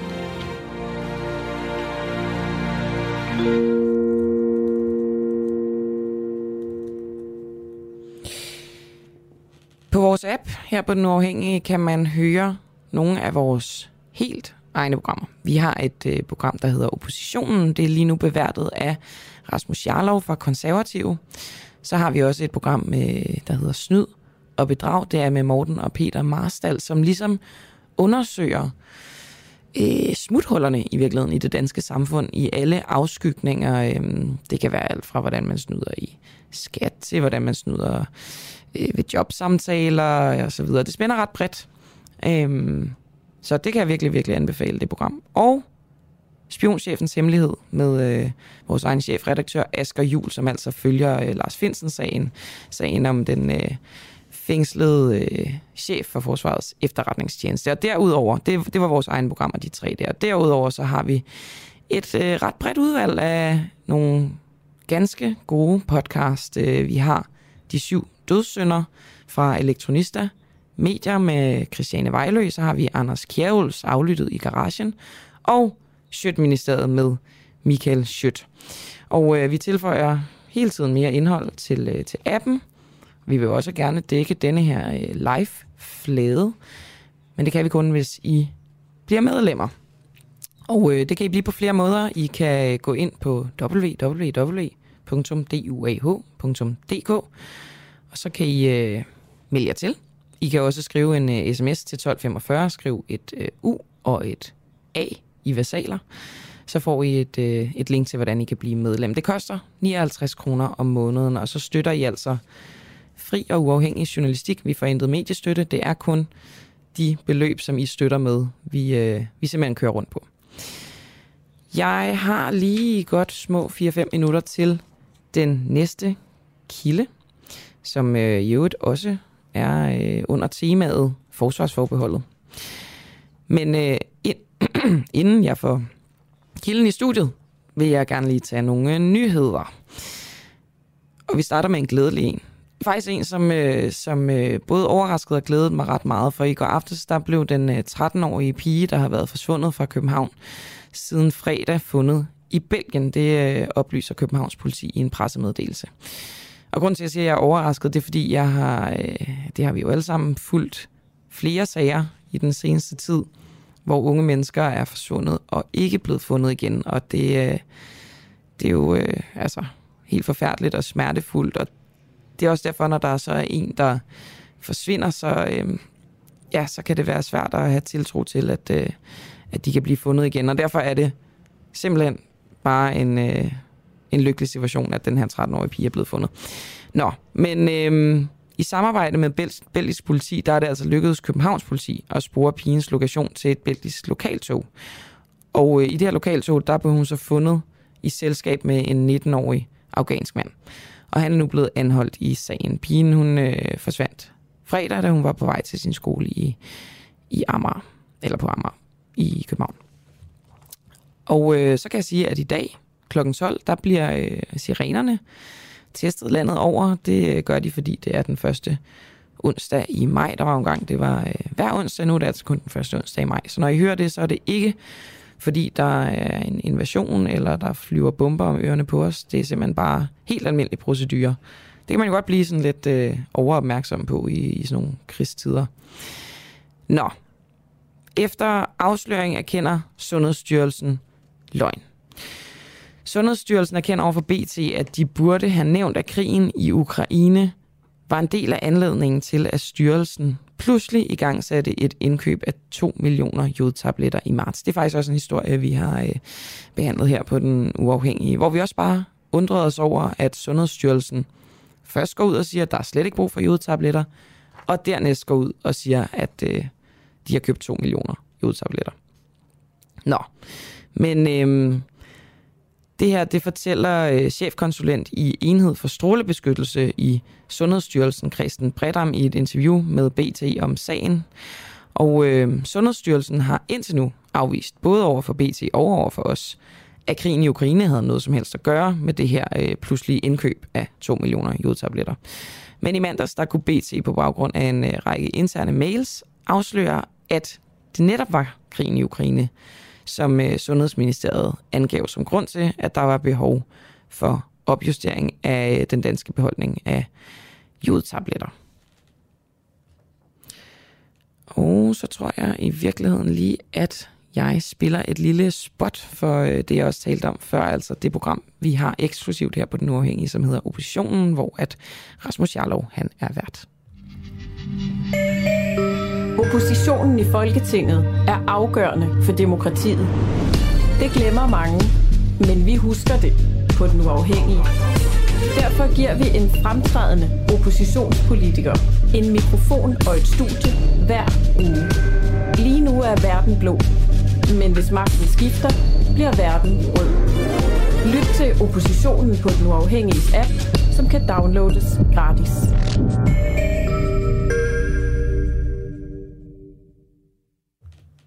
Oklahoma afskaffer retten til abort. Den amerikanske delstat Oklahomas øh, guvernør Kevin øh, Stitt har tirsdag aften dansk tid skrevet under på den såkaldte hjerteslagslov. Øhm, loven betyder, at klinikker ikke må foretage aborter, efter at der kan observeres hjertebanken ved et foster, og det sker øh, som regel efter cirka fire ugers graviditetstid. Øhm, det er meget interessant, øh, alt det, der foregår i USA lige nu særligt med henblik på øh, Verdenssundhedsorganisationen WHO's øh, nye anbefalinger om, at der ikke skal være en øh, tidsgrænse for, hvornår man må få abort. Og så er der jo så også blevet øh, lægget de her øh, dokumenter fra højesteret i USA øh, om en potentiel omgørelse af den her øh, Roe øh, v. Wade afgørelse øh, fra højesteret. Øh, og øh, det vil ligesom kunne give hjemmel for... Øh, for staterne, de forskellige stater, til selv at afgøre, om de simpelthen vil forbyde fri abort. Det er, det er ret vildt, altså, mens vi kan diskutere her i Danmark, om vi skal altså, flytte abortgrænsen fra de 12 uger, så, øh, så kan det simpelthen ske, at, øh, at i USA, der, der skal den helt fjernes. Altså den frie abort. Nå, jeg, øh, jeg padler lidt rundt i det lige nu, men det er egentlig fordi, at jeg skulle have haft en øh, kilde ind i studiet. Men der sidder ikke nogen kilde. Øh, det var Susanna Greenside, som er formand i Folkebevægelsen imod EU, som skulle have siddet ved siden af mig. Men øh, hun er simpelthen ikke lige dukket op. Det kan hun jo nå endnu. Men i mellemtiden, der, øh, der skal jeg snakke med Jakob Korsbo, som er øh, udenrigs- og sikkerhedspolitisk kommentator og tidligere chefanalytiker i Forsvarets efterretningstjeneste. Og øh, det, jeg skal snakke med Jakob Korsbo om, det er om Ruslands her simpelthen nærmer sig det totale sammenbrud i Ukraine. Rusland har nemlig ifølge Ukraines præsident Volodymyr Zelensky mistet en tredjedel af landets kampvogne i krigen i Ukraine. Og øh, Jakob Korsborg, står Rusland simpelthen til at tabe krigen? Og godmorgen. Godmorgen, godmorgen. Øh, ja, altså de har i hvert fald store, store øh, problemer. Øh, det er der ingen tvivl om. Det har de haft i lang tid. Og øh, vi nærmer os nu et punkt, hvor, hvor der er risiko for, at, øh, at deres styrker kan øh, bryde helt sammen inde i, øh, inde i Ukraine. Øh, der er en række sådan, ubekendte i, i det forhold, i forhold til for eksempel deres forsyningssituation og, og sådan noget. Men, øh, men det er i hvert fald kritisk for dem øh, med den måde, de står på, og det bliver svært for dem at holde den offensiv i øh, Donbass, som de startede for øh, over to uger siden. Og hvorfor, øh, hvorfor er det svært for dem? Fordi det kan man jo sige, det er jo, øh, det er jo den mindre brød, end, øh, end de slog op i begyndelsen af krigen, hvor de angreb flere steder. Nu er de ligesom øh, centraliseret det nede ved Donbass-regionen, så de burde vel på en eller anden måde have styr på det, øh, når de har minimeret indsatsen, eller hvad man siger. Det, det, det, det skulle man tro. det skulle man tro. Men øh, den helt korte historie, det er, at de mangler mandskab. Øh, de har simpelthen ikke øh, soldater nok til at, at gennemføre det, de, havde, øh, de har sat sig for. Og man kan sige, hvis, hvis de havde minimeret det fra start af, dengang de havde øh, øh 180-200.000 øh, soldater samlet, og, øh, og kunne angrebet Donbass, så havde de haft en chance.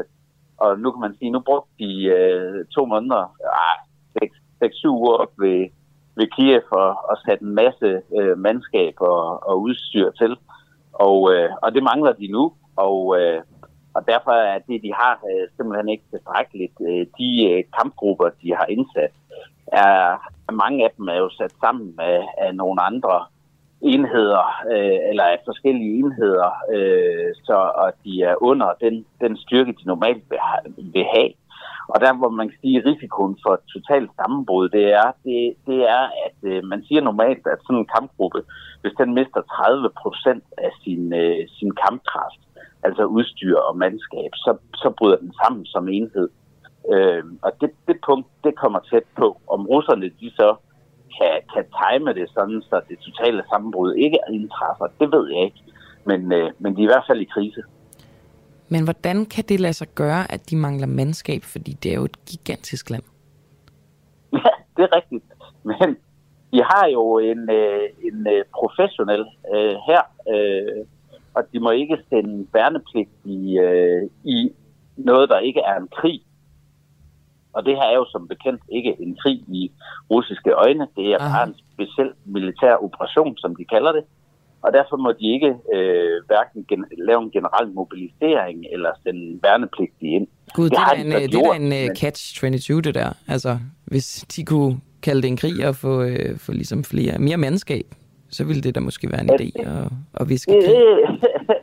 Ja, men øh, for Putin har det også nogle, øh, nogle øh, risikomomenter, hvis han gør det. Det er der jo meget snak om i de her dage, at han vil gøre her den 9. maj. Øh, men den 9. maj, det er som bekendt sejrsdagen, hvor de fejrer sejren over nazisterne. Nu kalder de jo også det her en kamp mod nazisterne, men øh, hvis han først da erklærer krig, så indrømmer han jo, at den her særlige militæroperation har været en kæmpe fejl øh, og, og fejlslagen. Og det er jo lidt svært, når de nu har brugt øh, to og en halv øh, måned på at fortælle om, hvor godt det går i, i Ukraine. Ikke? Så, der, så derfor er det ikke sådan lige til bare at, at mobilisere. Plus rent praktisk, hvis de gør det, så skal de jo have uddannet øh, mandskab og gjort dem kampklare, og de skal have dem udrustet også. Og, øh, og der er meget, der tyder på, at, øh, at de simpelthen har svært ved at, og, og skaffe de våben, der skal, øh, der skal øh, til, hvis de nu laver sådan en generel mobilisering. Øh, så, så det er ikke nogen enkel sag for dem. Så hvis vi to vi lige sætter os op på to skyer over Ukraine og kigger ned, sådan rent taktisk på det, som, øh, som russerne har, har gjort i løbet af krigen, så lyder det på mig som om, at det er en, en taktisk brøler af dimensioner, at de fokuserede på Kiev til at starte med. Altså kunne de, hvad skal man sige, det er lidt kontrafaktisk det her, ikke? Men hvis de nu havde startet nede i Donbass, kun nede i Donbass og deromkring, havde de så haft mulighed for at, at hvad skal man sige, erobre hele det område, som de gerne vil erobre nu? Ja, det, det var det, der lå i det, jeg sagde i starten, at hvis man havde haft de 200.000, øh, små 200.000 soldater koncentreret ned i det område, så havde man haft en chance. Men øh, de gik efter den store jackpot, og øh, de fik lige præcis det modsatte. Og øh, det her øh, vil sandsynligvis ende som en af de største strategiske øh, fejltagelser i, øh, i verdenshistorien. Øh, så, så det er det er ret, øh, det er ret markant. Øh, vi må se. Det kan være, at de kan grave sig ned i defensive positioner omkring Donbass, men, men så vil ukrainerne trykke dem ned ved Kherson og ned mod Krim sydpå, så, så det er ikke en, de har en stor øh, en, en stor linje at forsvare. Øh, der er jo øh, 500 kilometer fra, fra Kherson og over til Mariupol og Donbass, så, så det er jo ikke, det er ikke nogen enkelt sag at for, forsvare så lang en, øh, en front, hvis det, hvis det er det, de prøver. Så efter din vurdering, altså det lyder på dig som om, at det, det for, kommer de ikke til at formå. Hvor, øh, det bliver svært. Hvor, øh, hvor hurtigt vil det gå, det her? Altså, øh, øh, nærmer vi os en afslutning på krigen?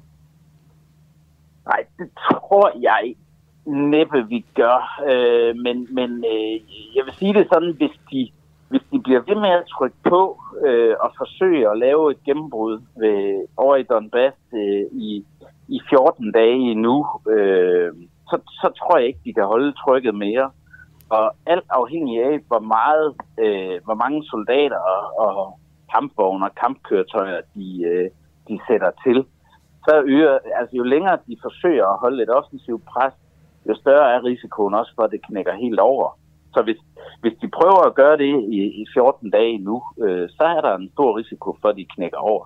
Øh, og så vil jeg tro, øh, inden for, for fire uger begynder man nok at se øh, ukrainerne trykke på øh, og, og lave øh, modangreb. Det gør de jo nu op ved Kharkiv, men det er nok et område, som russerne ikke prioriterer øh, og, og forsøger at forsvare. Øh, men, øh, men nede ved Donbass, der, der, der er risikoen der også for, for russiske modangreb, eller ukrainske modangreb. Men der tror jeg, at vi skal kigge en, øh, en, en tre, tre, fire uger ud i, i fremtiden. Jakob Korsbo, hvis du nu øh, skulle sætte dig i Vladimir Putins stol, ikke som Jakob Korsbo, men som, som Vladimir Putin, hvad ville du så gøre nu? så vil jeg først og fremmest erkende, at øh, der er ikke nogen øh, god vej ud af det her, øh, rent faktisk. Fordi øh, de, de, står, de står ikke med nogle, øh, med nogle gode muligheder. Øh, så vil jeg fokusere på at minimere øh, tabene, og øh, det vil nok være ved at, at lave defensive positioner om, omkring Donbass, øh, omkring Mariupol, og så sige, øh, nu har vi fået øh, nubbet de nazister, vi skulle, og, øh, og så øh, prøver at, at gøre det til en sejr. Fordi jo længere og, og jo mere de forsøger at øge deres, øh, deres offensive mål, jo værre bliver det også for dem. Okay, så, så øhm, og med det så siger du også, at der er i virkeligheden ingen reel mulighed for at erobre land for Rusland? Ikke, ikke, nej, det tror jeg, det tror jeg ikke. Jeg tror heller ikke, at altså, de kan ikke holde fast i den sydlige del, øh, med Litopol, øh, og, øh, og ukrainerne får, øh, øh, hvad hedder det, kraftigere våben, øh, og de har allerede noget artilleri, der er mere kraftigt end det, russerne har. Og det er en af de fordele, russerne har haft indtil nu.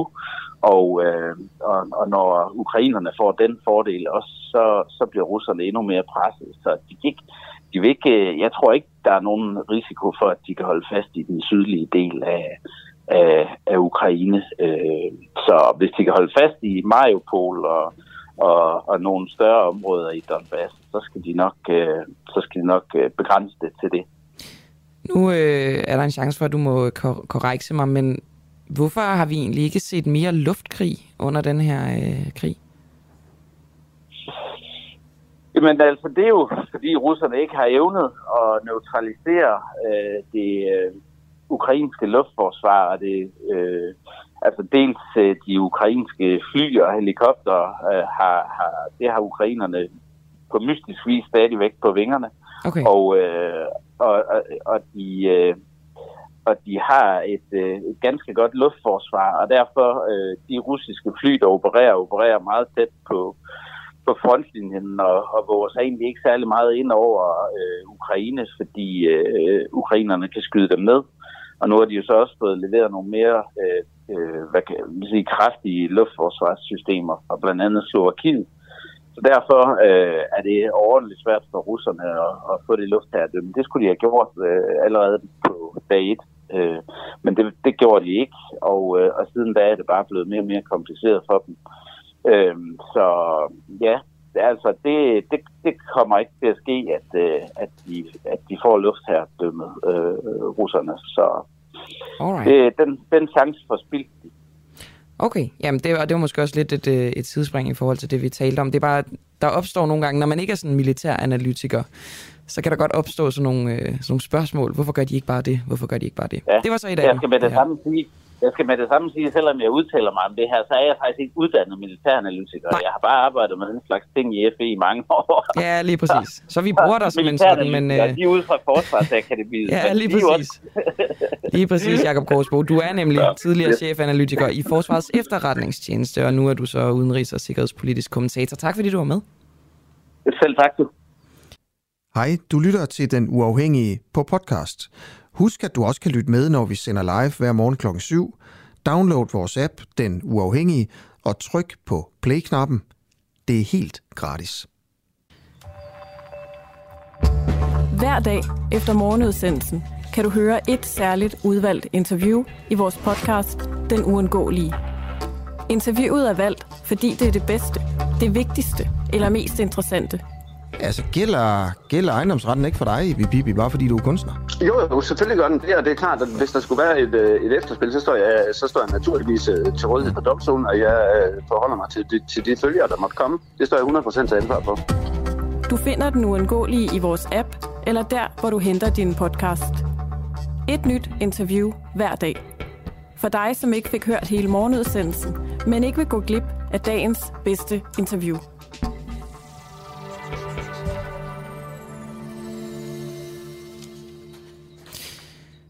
Klokken er 8 minutter over 8, og nu har jeg fået besøg i studiet til det, som jeg vil betegne som en form for øvelse. For spørgsmålet er, om Trine Bremsen, nuværende transport- og ligestillingsminister, tidligere forsvarsminister, er en dygtigere EU-kritiker end Folkebevægelsen imod EU. Velkommen, Susanna Greenside, formand i netop Folkebevægelsen imod EU. Jeg tænder lige for din øh, mikrofon. Prøv at høre, øh, jeg har øh, nogle klip med Trine Bremsen. Det er nogle udtalelser, hun er kommet med tilbage i december 2020 i et debatprogram øh, på DK4. Ja. Og jeg tænker, at øh, altså, vi har klippet nogle af hendes øh, argumenter ud. Jeg tænker at spille dem for dig, og, øh, og så simpelthen høre, om du kan argumentere bedre mod en afskaffelse af forsvarsforbeholdet end Trine Bremsen. Er du klar på det? Det er jeg meget spændt på, ja. Okay, vi starter med øh, det første her. Jeg tror, det der er, øh, det der er bekymringen, det er, jo, øh, det er jo ikke øh, de operationer, der er nu i, i EU. Det er jo, hvad er det, det udvikler sig til? Hvad er det, det kan udvikle sig til på den lange bane? Og der må jeg bare sige, at vi har jo set på mange områder i EU, at vi er tiltrådt noget, og lige pludselig har vi ikke stået selv og været, været herre over de beslutninger, der træffes i Danmark. Og det er jo en reel bekymring. Jeg synes, vi har gentagende eksempler på, at, at, at det er sket. Hvad, og der synes jeg at det er Nå, helt hvad tænker, fair. du, hvad tænker du, det kunne så være på forsvar? Pludselig, at det ikke er os selv, der beslutter, hvor er det, vores soldater skal, skal sættes hen, hvor er det, vores Det er jo simpelthen forkert. For Det er jo simpelthen forkert, siger øh, Jan E. Jørgensen, men øh, Trine Bremsen argumenterer her. Susanna Greenside, øh, kan du gøre det endnu bedre end hende? Jeg kan da i hvert fald supplere, for jeg synes, hun kommer med nogle glimrende pointer. Øh, men man kan supplere i forhold til det, hun siger med, problemet er ikke missionerne lige nu. Det er faktisk en del af problemet, vil jeg våge at påstå. Fordi mange af EU's militære missioner har faktisk gjort mere skade end gavn øh, de steder, hvor vi har været aktive. Særligt, øh, det er nok det værste eksempel, det er EU's træningsmission i Mali, hvor man lige frem har trænet nogle soldater, der har begået overgreb på civile. Det er, hvad vi har lige nu. Men så hvis man ser på EU's udvikling, jamen så har Trine Bremsen i den grad fat i noget, fordi på alle områder, hvor vi har givet magt til EU, så har EU taget endnu mere magt til sig senere. Og man kan sige, siden Trine Bremsen gik af som forsvarsminister, er der jo også kommet det her nye papir, der hedder det strategiske kompas, som faktisk øh, understreger nogle forskellige områder, hvor EU allerede nu med det nuværende traktatgrundlag vil tage mere magt til sig på forsvarsområdet og gøre os små lande mindre magtfulde. Alright. Okay, så det var en, øh, det var en supplering til Trine Bremsen, som jeg jo skal skynde mig at sige, må man antage, at hun har ændret holdning siden da. Det lyder i hvert fald sådan, når man, øh, når man sådan over en bred kram hører, hvad regeringen de, øh, de siger, når de argumenterer for, at vi skal afskaffe, for, afskaffe forsvarsforbeholdet. Nu, øh, nu spiller jeg et klip mere, Susanna. Øh, og jeg skal bare lige finde det. Men, men, øh, men, men, og det jeg bare må sige, efter at have været forsvarsminister i nu halvandet år, det er, at jeg oplever ikke EU som det sted, hvor man mest effektivt træffer beslutninger om væsentlige missioner. Og nu har jeg nævnt Hormus øh, et par gange. Det er retten til fri sejlads. Meget, meget, meget vigtig øh, mission. Der er nogle lande i EU, der er uenige i, at øh, vi skal stille op øh, i, øh, i, i Hormus. Vi er også en række lande, der har store maritime erhverv, der er meget enige om, at det er væsentligt, at vi er til stede, og at skibe ikke bliver kapret. Og der oplever jeg bare, at det er øh, nogle andre fora end EU, hvor beslutningerne træffes hurtigt, hvor vi sender, finder sammen med ligestillede lande, øh, og hvor vi øh, har en hastighed, et tempo på, som er, som, som er helt vi, anderledes. Er vi enige om, Ja, der er andre steder, hvor beslutninger kan blive øh, truffet hurtigere. Jeg går ud fra, at du er enig. Enormt enig. Altså noget af det, EU jo virkelig er kendt for, det er de her meget, meget langsomme beslutninger. Og jo særligt på forsvarsområdet er EU kendt som bare en ineffektiv aktør.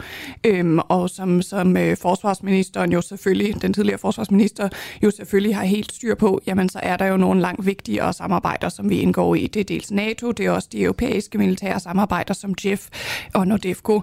Det er jo det, det er jo de steder, hvor det batter at være med. Det batter ikke at være med på forsvarsområdet Hvorfor er det et problem, at EU er langsomme netop i forsvarssamarbejdet, som jo ikke er en øhm, territorial forsvarsalliance, men hvor man måske godt må tage sig tid til at planlægge, hvilke missioner det er, man skal på?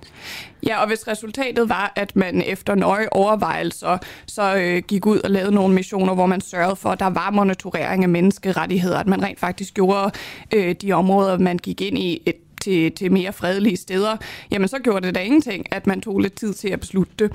Øh, men det er jo ikke resultatet. For det første. For det andet, så skal et forsvarssamarbejde jo også nogle gange kunne reagere hurtigt, øh, fordi der er nogle trusler, der opstår hurtigt. Det er vel Øh, og ikke det kan. EU-forsvarssamarbejdet?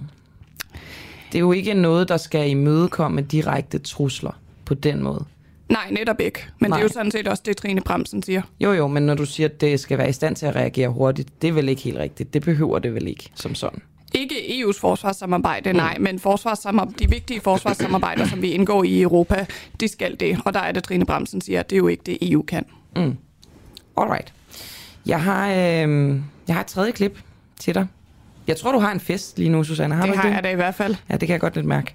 øhm, det er det sidste klip dog, må jeg, må jeg skuffe dig med. Det er ganske kort, det kommer her.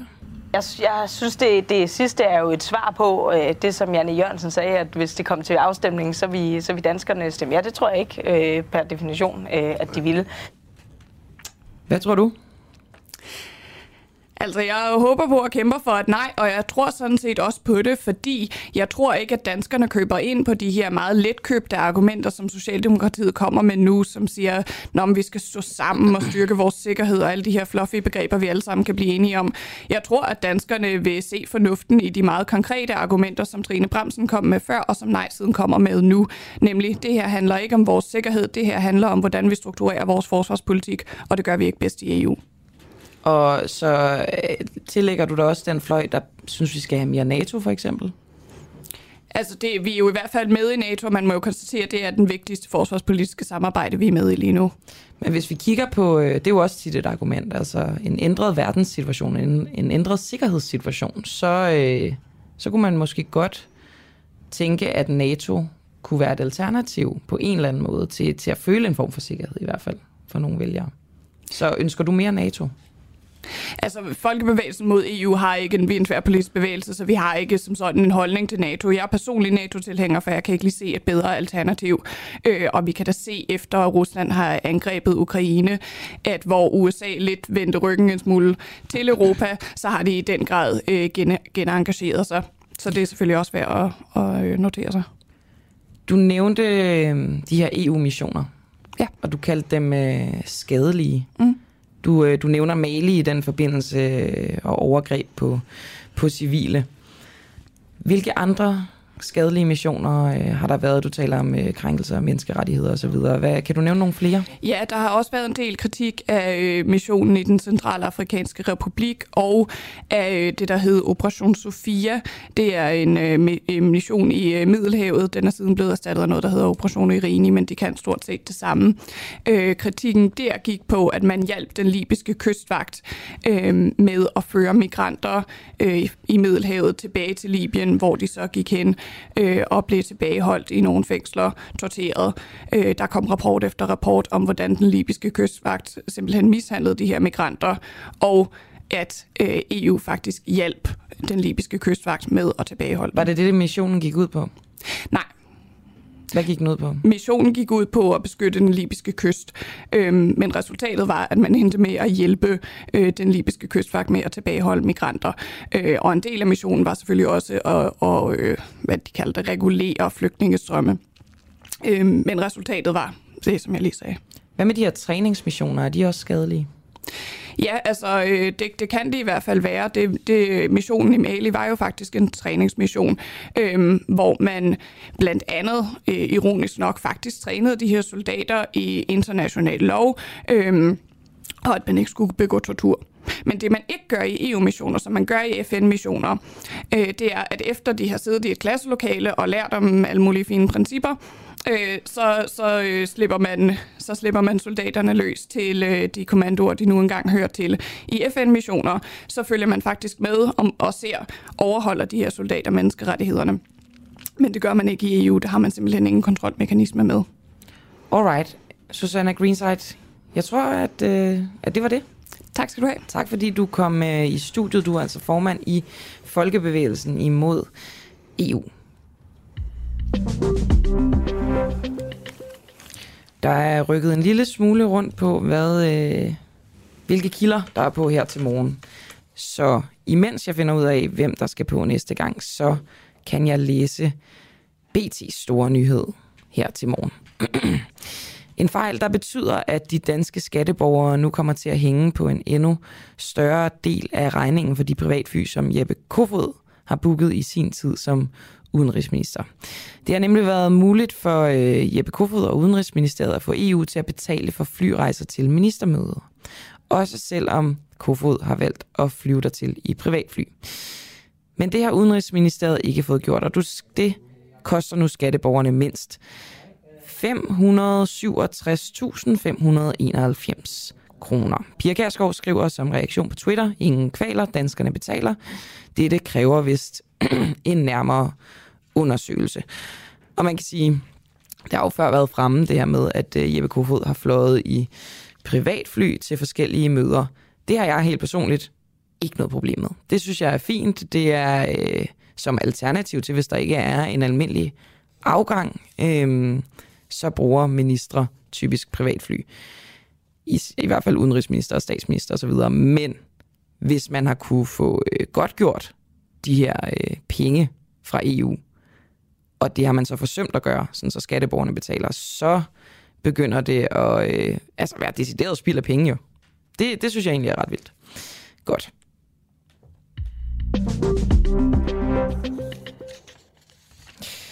Og så skal vi snakke om sten. Er 800 kilo sten fra en carport på Frederiksberg noget værd? Mineralsamler og civilingeniør Tom, Tom Weidner blev i sidste måned mødt af 47 tomme mælkekasser i en carport på Paul Møllers vej på Frederiksberg. Og øh, Tom Weidner, hvad var det, der var i kasserne, eller måske ikke var i kasserne? Og godmorgen. Øh, ja, godmorgen. Øh, ja, først og fremmest var der ikke en hel masse sten fra den gamle lokalitet Iviktut øh, op på Grønland. Og øh, den krøllede historie er, at, at øh, en kollega og jeg havde arvet en stor stensamling fra en gammel mand, øh, som boede, på, øh, eller boede i det hus på Frederiksberg og som havde været passioneret omkring det her, havde samlet alle de her mange mineraler, og så var det skrevet ind i hans testamente, at dem skulle vi arve, så vi kunne arbejde videre med dem videnskabeligt. Øh, og min kollega Henrik, som, som er kurator på det Geologiske Museum i Oslo, fløj herned, og vi gennemgik over fire hårde arbejdsdage omkring 15 tons øh, spændende ting, som vi så sorterede og stillede de her mælkekasser, som så skulle køres øh, videre og sendes til Norge. Og, og da vi nåede til det, så var der ingenting under den her præsending. Så, så jeg ved simpelthen ikke, hvem der kunne finde på at løbe med 800 kilo sten. Det, det er jo i hvert fald en tung, en, en tung øh, omgang. Jamen, der melder sig altså sindssygt mange spørgsmål. Øh, også fordi, ja, det er tungt. Rent praktisk kan jeg simpelthen ikke gennemskue, hvordan det her tyveri skal være foregået. Det, det kan vi egentlig heller ikke. Det bedste bud, der kom efter det her været på nettet, jeg vil sige, at der er fået, vi har fået mange interessante øh, kommentarer, og, og mange søde mennesker har prøvet at lede efter de her sten. Og det bedste bud var kinesiske spioner, men det har jeg nu nok meget, meget svært ved at forestille mig. men altså, vi har jo brugt vores hjerner med, hvem i alverden kunne have glæde af det her, og, og handelsmæssigt har det ikke nogen værdi. Øh, det har en stor videnskabelig værdi, fordi man kan lede videre, og, og mineralerne kommer fra noget, der blev lukket på Grønland for 50 år siden. Så, så på den måde er, er det også en gåde, og, og, og hvem der så er så fræk at gå ind i en carport, og så ikke bare tage kasserne, for det havde været det nemmeste, og så kører vi ikke i en varebil, men simpelthen tømme dem og lægge præsendingen tilbage. Mm Øh, det er en gåde, vil jeg sige. Det, det en, er en sjov gåde. historie. Jamen det, jamen det er det jo. Altså, det, er en, det er en gåde. Øh, det er jo så også et tab, men det er jo altid spændende ja. at sådan motivforske og spekulere. Men jeg tror lige, vi gemmer det, og så ja, Ja, vender vi godt. tilbage til, fordi du kommer ind på det her med, hvorfor at de var værdifulde. Men kan du ikke lige forklare sådan for øh, ikke-mineralsamlere, hvad skulle de her øh, kryolitsten bruges til? Ja, altså øh, punkt et, de kommer fra, fra en meget gammel mine op på Grønland i Iviktut, øh, som er en del af, af industrihistorie i Danmark med krølitselskabet Øresund. Det er en forekomst, der er meget, meget speciel, fordi øh, mineralet kryolit, som ingen kender, men, men som indgår i produktion af aluminium helt tilbage og, og øh, var et vigtigt øh, industrielt mineral, den forekomst er den eneste i verden af sin art, og meget, meget speciel i dannelse. Man brød 4 millioner tons, og ellers et sjældent mineral, som ikke findes nogen andre steder. Og det vi ville arbejde med, var i høj grad baseret blandt andet på det her materiale, og prøve at finde ud af, hvordan pokker er det her egentlig dannet, og kunne der være nogle nye ting, man ikke har fundet før i det her. Øh, og derfor så skulle det indgå i to phd øh, projekter i Norge. Så det er, på den måde er det jo lidt skide ærgerligt, og også især fordi, at, at der bliver jo ikke brudt mere. Minen lukkede i 62, øh, og, og det her materiale er måske samlet for 40 år siden, øh, har ligget så i en kælder og en carport rundt omkring, øh, og, og, og skulle så nu have, have været bearbejdet. Det er også derfor, vi har arvet det, fordi vi har en videnskabelig tilgang til det. Det- Så Der er simpelthen så mange spørgsmål, Tom. Altså, Ja, du fyrer bare løs. Jeg prøver at svare så godt, jeg den kan. her afdøde mand, Ja. hvorfor havde han stenene til at starte med? Ja, altså ja, han, han var en stor samler, og, og det interesserede ham glødende øh, omkring den her øh, forekomst, og han har selv kommet med forskellige teorier, hvor vi har pingponget, og, og jeg har kendt ham si- de sidste cirka 15 år, og, og kommet og besøgt ham en gang imellem, og, og kigge sten og drøfte dannelse og så videre. Øh, Så hans tilgang har været, at han, han var et nysgerrigt menneske med interesser i alle retninger. Og et af dem, det var de her sten. Og han så har samlet 15 tons, det er jo så ganske overvældende. Men jo interessant, fordi det er jo så ligesom en tidslomme, hvor, hvor noget ellers forsvundet materiale har været gemt. Ja. Og Øh værdien, altså nu siger du, at man kan ikke, altså, øh, man kan ligesom ikke erstatte dem, man kan ikke udvinde dem øh, fra Grønland. Nej, altså det bedste, det bedste man kan gøre er, at man skal, altså kryollitminen er jo stadigvæk deroppe. Øh, der bliver ikke brudt noget. Der ligger selvfølgelig øh, rundt om minen en masse ting, man har smidt ud og lagt i, i bunker af, af man kalder det mineralaffald. Man kunne tage op og lede efter det. Øh, det er bare voldsomt besværligt at komme til Iviktut på Grønland øh, og dyrt. Og derfor var det her jo en voldsom genvej til, at, at lige pludselig var der adgang til en masse sjove sten, som, som ellers ikke øh, man kommer i, i nærheden af mere. Så, så, så det var en genvej, kan du sige, til at- alternativ til tage til Grønland. Og så skal man også sige, at, at det her materiale er jo samlet fra en, fra en gang, hvor det blev sejlet til København og, og processet i en fabrik. Øh, det er måske ikke det samme, der ligger deroppe. Så nej, det er bare forsvundet, og det er super ærgerligt. Og man kan sige, at verden fungerer jo på den måde, at øh, med sjældenhed hører øh, ofte også stor værd- værdifuldhed. Øhm, hvad, hvad, hvad tror du, de her sten er værd? Jamen, altså, det, det, det har jeg jo blevet spurgt om og, og, og, i flere omgange. Og, og du kan sige, hvis jeg, hvis jeg skulle ud og sælge dem på markedet, jeg tror sgu ikke, der er nogen, der vil købe dem. Så, så, så ud fra en almindelig betragtning, så kan du sige, ja, så er de måske øh, ingenting værd. Men, men du kan jo vende rundt og sige, hvad, hvad er, er Danekræ værd, hvis ikke det handles? Ja, øh, Øh, jeg, jeg synes, det er svært at sætte penge på. Du kan bare sige, at jamen, det er noget materiale, der ikke findes tilsvarende, og nu er det væk. Øh, og, og det betyder, at det videnskabelige arbejde, der skulle være, det bliver meget, meget svært at lave, fordi øh, nu er der ikke noget materiale at lave det på. Og så kunne man regne og sige, at hvis vi så skulle tage til Grønland, det koster måske 100.000 kroner frem og tilbage, og med helikopter og alt muligt. Øh, vil det så være det, der var værdien? Det er et godt spørgsmål. Øh, så, så i kroner og øre kan jeg sgu ikke sige dig, om det er flere hundredtusind værd. Det tror jeg ikke på. Du kan ikke, du kan ikke handle det, vil jeg sige. Det er simpelthen fordi, jeg nu er hoppet ind i, øh, i motivforskningen. Ikke? Ja, det synes jeg også er interessant. Det har vi også været igennem. Ja, det kunne jeg forestille mig, men, men prøv at, den forskning, der kan laves, altså du taler om to PhD'er, de skulle bruges til de her, øh, ja. de her sten. Er det sådan, snakker vi banebrydende forskning? Altså snakker vi sådan uh, forskning, der kan bruges i en eller anden sammenhæng, som der kunne være noget interesse i, nu vi, vi taler Grønlands øh, altså, øh, mineraler og så videre, det, Ja, det kunne jo ja. godt lyde lidt værdifuldt. Også nu nævnede du selv, at der var nogen, der havde øh, spekuleret i kinesiske spioner og sådan noget. ja, altså det er jo, det var bare egentlig sådan en lille kuriositet, fordi det tror jeg virkelig ikke på. Øh, øh, motivet er virkelig svært at se. Måske er der nogen, der har set, øh, det står for en, en, en, en dyr villa på Frederiksberg under en præsending. Det må være noget værd. Vi skynder os at fjerne det. Der, hvor det så hopper lidt af for mig, det er så, hvorfor skulle man så ikke bare tage kasserne, putte dem ind i en varebil og køre der sin vej? Hvorfor skulle man have besværet med at tage stenene ud, øh, sætte kasserne tilbage, lægge præsendingen på og lade som ingenting? Det, det, det er sådan mere øh, øh, gåden i det.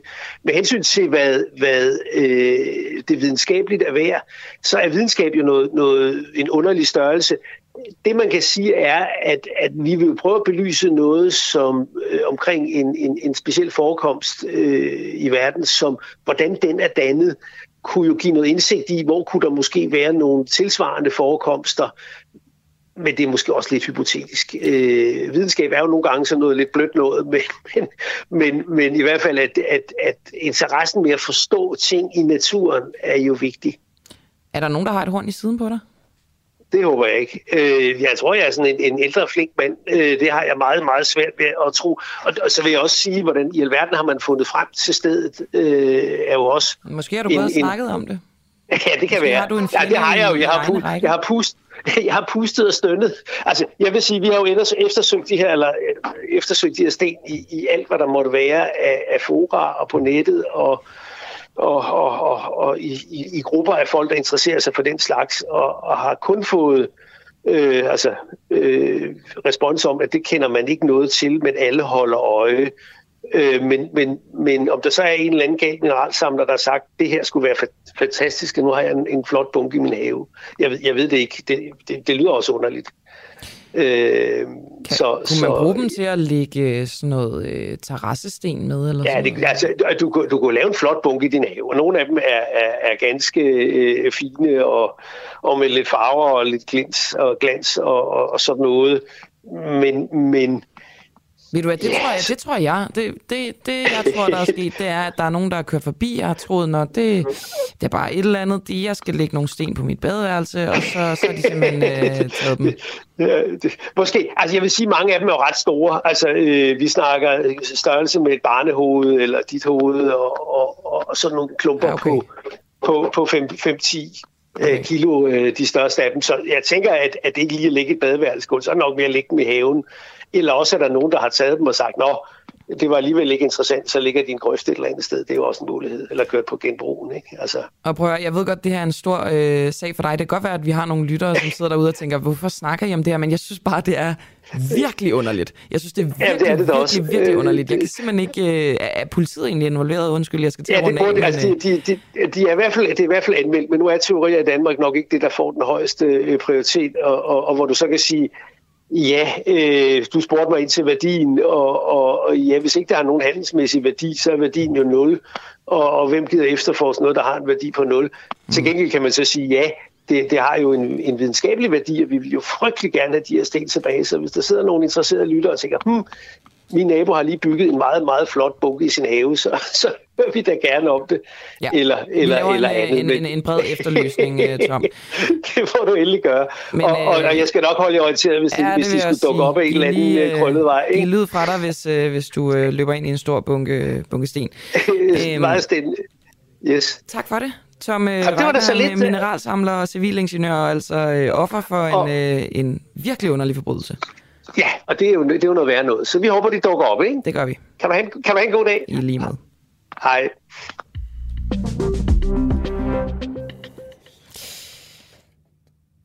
Klokken er blevet 8.31. Vi har små 29 minutter tilbage af en uafhængig morgen, hvor at, øh, jeg lige om lidt skal snakke med Britt Bager, som er retsordfører fra Konservative. Jeg skal snakke med hende om en øh, historie, jeg også havde et par interviews om i går. Nemlig det her om, om det skal være forbudt at dele billeder og videoer af politibetjente på de sociale medier, hvis betjentene kan genkendes og identificeres. Jeg skal også snakke med Peter Olbæk om Simon Spis. Det, jeg synes, han var en, en oplagt kilde at diskutere øh, simpelthen med, om, øh, om Simon Spis, Simon Spis skal canceles. Men øh, det er først klokken 10 minutter i 9. Nu, øh, nu vil jeg gerne spørge dig, Britt Bager. Øh, du er fra øh, De Konservative, du er retsordfører. Hvor ofte er det sket, at betjente har følt, at de bliver hængt ud på sociale medier? Og godmorgen. Godmorgen. Det er meget svært at sige. Øh, jeg har jo min viden gennem politiforbundet og gennem det, der hedder Thin Blue Line, som er for, øh, for sådan, hvad skal man sige, skadede betjente. Og ifølge dem er, sker det ret ofte, at øh, betjente bliver chikaneret. De siger også, at det kan være svært at få øh, betjente til at stå frem, simpelthen fordi, at de er bange for, øh, for yderligere chikane. Så ifølge politiforbundet, som jo er dem, der taler med, med de betjente, der bliver chikaneret, sker det ofte. Øh, betjentene står dog ikke frem, fordi de simpelthen er bange for yderligere chikane. Jeg talte også med Thin Blue Line i går, og de kunne ikke rigtig fortælle mig, hvor, øh, hvor hyppigt det her, det her var. Øh, der var ikke rigtig lavet nogen målinger på det. Nu siger du, at politiforbundet øh, siger, at det sker ofte, men det er jo rimelig fluffy. Altså, har du, øh, har du nogen som helst tal på, øh, hvor tit de har følt, de er blevet hængt ud, eller måske hvor mange, der har måttet sygemelde sig som følge af at, øh, at have optrådt på sociale medier mod deres vilje? Nej, det har vi ikke. Og det er faktisk heller ikke afgørende for mig. Okay. Det, der er afgørende, det er, at de betjente, der, der, der føler, at det her det er et problem, at vi tager os af dem. Altså vi skal simpelthen ikke have en øh, situation, hvor betjente bliver hængt ud. Og for mig er det ikke afgørende, om det er i et eller i 100 tilfælde. Det er helt principielt afgørende for mig, at betjentene de føler, at de kan tage på arbejde og, øh, og gøre deres job uden at blive filmet, og uden at blive klippet og uden at blive hængt ud på, øh, på nettet. Og det er jo det, der sker øh, i, i de her tilfælde, det er, at små, små bidder af en længere episode bliver lagt ud, og, og det føler nogle betjente, at det underminerer deres arbejde. Og det, Men, det, Britt Bager, jeg går ud fra, at man laver lovgivning ikke på baggrund af, eller ikke for den enkelte, men, men, men for, hvad skal man sige, det samlede. Altså, når I ikke ved, hvor mange det her drejer sig om, så kan der jo potentielt set, så kan der være tale om 5 eller 10 ud af 10.000, som måske synes, det her det er okay, måske endda af princip synes, at det bør være sådan. Men I vil alligevel lovgive, uden at, at vide, hvor stort et problem det er. Hvordan hænger det sammen? Det hænger sådan sammen, at jeg har så stor tillid til politiforbundet og til den Blue Line, at når de kommer til mig og siger, at det her det er et problem, så, øh, så går jeg ud fra, at det er et problem. Og vi har også set situationer, både du og jeg, tænker jeg, på nettet, hvor politifolk er blevet hængt ud øh, og klippet, og hvor man ikke har kunne se hele episoden. Og, og jeg tager det for gode varer, når politiforbundet kommer til mig, og det er som sagt ikke afgørende, om det er fem gange, eller om det er 500 gange om året, det her det sker. Øh, det er helt principielt for mig, at politiet kan gå på arbejde og føle, at de også har øh, ordentlige arbejdsbetingelser. Men det gør de måske allerede. Størstedelen. De gør hvad? Undskyld. Det gør de måske allerede størstedelen. Det ved hverken du eller jeg, eller uh, Thin Blue Line. Jeg ved ikke, om politiforbundet har tal på det, men, men men, men uanset, om, og uanset, uanset, du ved jo også godt, at, at uh, Thin Blue Line synes jo også, det her er et problem. Og man kan jo godt synes, det er et problem, selvom man ikke har tal på det. Jeg har mange gange øh, før lovgivet på noget, hvor vi ikke præcis ved, øh, hvor mange der er. Eksempelvis, da vi øh, lavede stalking-paragrafen første gang, der kunne man ikke trække tal ved politiet på, hvor mange der egentlig blev stalket, og det kunne vi ikke, fordi der ikke var en stalking-paragraf. Vi vidste, det var rigtig mange, men vi vidste ikke, hvor mange. Vi lavede alligevel en stalking-paragraf, og det gjorde vi jo, fordi at vi, øh, vi havde tiltro til, at når der var så mange, der kom og sagde, at det her det er et problem, så var det et problem. Og det har jo også vist sig efterfølgende, at det var godt, vi gjorde det. Det tror mm. jeg også, det vil vise sig her. Politiforbundet, de vil jo faktisk gerne have det helt forbudt at filme politiet. Er det en uh, god idé? Det synes jeg så medfører en del flere dilemmaer. Jeg synes faktisk, det er vigtigt her, at, øh, at vi ikke, øh, altså der ikke opstår myter omkring politiets arbejde. Jeg synes også, at det er vigtigt, at politiet kan stå til ansvar for det, de laver, når de er på arbejde. Det er også vigtigt, at man stadigvæk kan øh, klage til, øh, til det, der hedder den uafhængige politimyndighed. Øh, og det er det, fordi selvfølgelig skal vi som borgere øh, have øh, kunne, altså, kunne øh, drage dem, der har et særligt magtmonopol til ansvar. Så jeg synes stadigvæk, at politiet skal, skal kunne filmes. Det, der bare er afgørende for mig, det er, at man ikke kan opsøge dem bagefter, at man ikke kan lægge små bidder på nettet, så de chikaneres op, op, øh, opsøges på deres private adresse, øh, og egentlig bliver, bliver gjort til offer for en folkedomstol. Politiet skal stå til ansvar, og det skal de over for den for øh, politiklagemyndigheden. Øh, så derfor synes jeg stadigvæk, man skal kunne fortsætte med at, øh, at filme dem. Så i det her tilfælde, der øh, henholder du dig ikke til det, som politiforbundet de anbefaler? Jeg har der faktisk ikke hørt... Ligesom ikke på dem? Det er ikke et ønske, de har fremsat for mig. Okay. Alright. Øhm, hvis nu for eksempel DR de øh, dokumenterer politivold til en demonstration, må DR så godt sende det i fjernsynet, hvor man kan genkende betjentene, men ikke på deres Facebook-side? Ja, fordi det, det, der er i det her, det er jo det store udfordring med Facebook generelt, det er, at der ikke er nogen redaktør. Vi står hver især til ansvar for det, vi lægger op, men vi er ikke pålagt et redaktøransvar. Hvis det er, at du sender noget, så kan jeg klage over dig eller din redaktør. Og hvis det er, at DR laver noget, så er der også en redaktør indover, og det vil sige, at der er nogle etiske overvejelser indover. Bør vi sende det her? Bør vi sløre ansigterne? Man ser jo faktisk også øh, nogle gange, at når øh, medier sender noget, at de så helt frivilligt slører ansigterne på de personer, mm. som øh, optræder i materialet. Og det er jo fordi, der har været en redaktør indover, der har været en indover, som sidder og behandler det her til, til dagligt, og som har forstand på, hvad er ansvarligt at bringe eller, eller ej. Så, så jeres det forslag, her... der er ligesom den nuance, at medier må, hvis man er et officielt medie, må man kunne vurdere, om ansigterne skal sløres eller ej. Så ja, DR så må i princippet godt dele øh, en film af nogle politifolk på Facebook, hvor deres ansigt ikke er sløret. Ja, og det må du også som, redaktør, altså som, øh, som medie. Okay, og hvor, hvor, øh, hvor skærer I ligesom grænsen ved medier? Der er jo mange, der vil mene, at de er medier. Øhm. Jamen, det, det, det, det er der jo helt klart defineret i medieansvarsloven, hvornår at du er. Alright. Alright. Øhm, jeg har fået en sms ind, øh, Britt Bager, som jeg tænker, jeg lige kan nå at læse op for dig. At optage politiet er den eneste beskyttelse, man har som borger. Der er også flere optagelser af betjente, som smadrer mobiltelefoner eller beder folk om at stoppe med at filme. Vi havde sidste år kun én betjent, som fik en sanktion, på trods af rekordhøj antal klager med venlig hilsen Simon. Altså på den måde øh, står man jo lidt prisket tilbage, det her, han, det sidste han nævner, øh, med at der kun har været én sanktion øh, sidste år. Så måske er det her med at dele ting på sociale medier også, hvad skal man sige, hvad, en sidste rettighed som borger. Er, er det hvad ikke, skulle man få ud af det? Altså helt ærligt, den, du får jo ikke noget ud af at dele det på sociale medier, forstået på den måde, hvis du vil have, hvis du vil have ret, øh, så skal du, hvis du vil have en, en betjent dømt, så skal du gå til politiklagemyndigheden. Du skal ikke gå til Facebook. Facebook er en folkedomstol, men de kan ikke afsige en dom over en betjent. Hvis du skal have stattet din telefon, så sker det ikke på Facebook. Hvis mm. du har en smadret telefon, så sker det via politiklagemyndigheden. Men det er jo sådan, man så... bruger Facebook også, hvis man føler sig uretfærdigt behandlet. Man øh, ligesom står tilbage uden muligheder for, øh, for retslig oprejsning, for eksempel.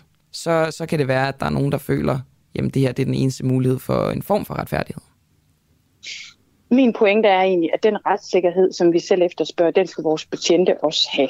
Altså, de skal kunne gå på arbejde og ikke føle sig udstillet og ikke tænke på, nu bliver jeg klippet i en lille bid og lagt ud på Facebook og dømt af folkedomstolene. Øh, det vil jeg simpelthen ikke være med til, og det er derfor, vi stiller det her forslag, og det må være sådan, at skal man klage over en betjent, så gør man det til den myndighed, som er den rigtige, og det er den uafhængige politiklagemyndighed. Og det vil jeg klart opfordre folk til, og det er faktisk også derfor, at vi i det konservative Folkeparti ikke vil være med til at forbyde at filme betjentene. Mm. Fordi det skal være muligt at sende en video ind til politiklagemyndigheden øh, og få medhold, hvis det er sådan, at, at, at der er sket noget uretfærdigt. Og bare lige for at få det helt på plads. Man må også gerne øh, filme betjente og sløre deres ansigter, og så lægge det op på sociale medier. Og det er nemlig helt principielt. Ja, det må man gerne. Man må gerne filme dem og lægge dem op. Bare du ikke kan øh, hvad skal man sige, se deres identitet, og det kan man jo med det her tjenestenummer, og det kan man med deres ansigt. Så du kan sagtens lægge en videofrekvens op på nettet, hvis du slører identiteten. Det, der er formålet med det her, det er jo, at betjente ikke bliver udstillet og hjemsøgt. Altså vi har jo eksempler på blandt andet en politibetjent kvinde, hvor at øh, der blev skrevet i en Facebook-gruppe, hendes børn hedder sådan og sådan, og de går på den og den skole. Helt ærligt, det må da være død ubehageligt at være den, øh, den betjent, der bliver udstillet på den måde. Ja, det, det, lyder, jeg det lyder fuldstændig vildt. Virkelig ubehageligt. Hvor mange med. eksempler og det, øh, har der været på det her? Det, det lyder vanvittigt. Det her, er jo, det her er jo et eksempel på en af dem, der har valgt at stå frem. Og som jeg startede med at sige, så ved vi ikke alle øh, eksemplerne, fordi betjentene ikke altid ønsker at stå frem. Alright. Jamen, øh, tak for det, Britt Bager. Selv tak. God dag. ordfører for konservativ, og god dag til dig også.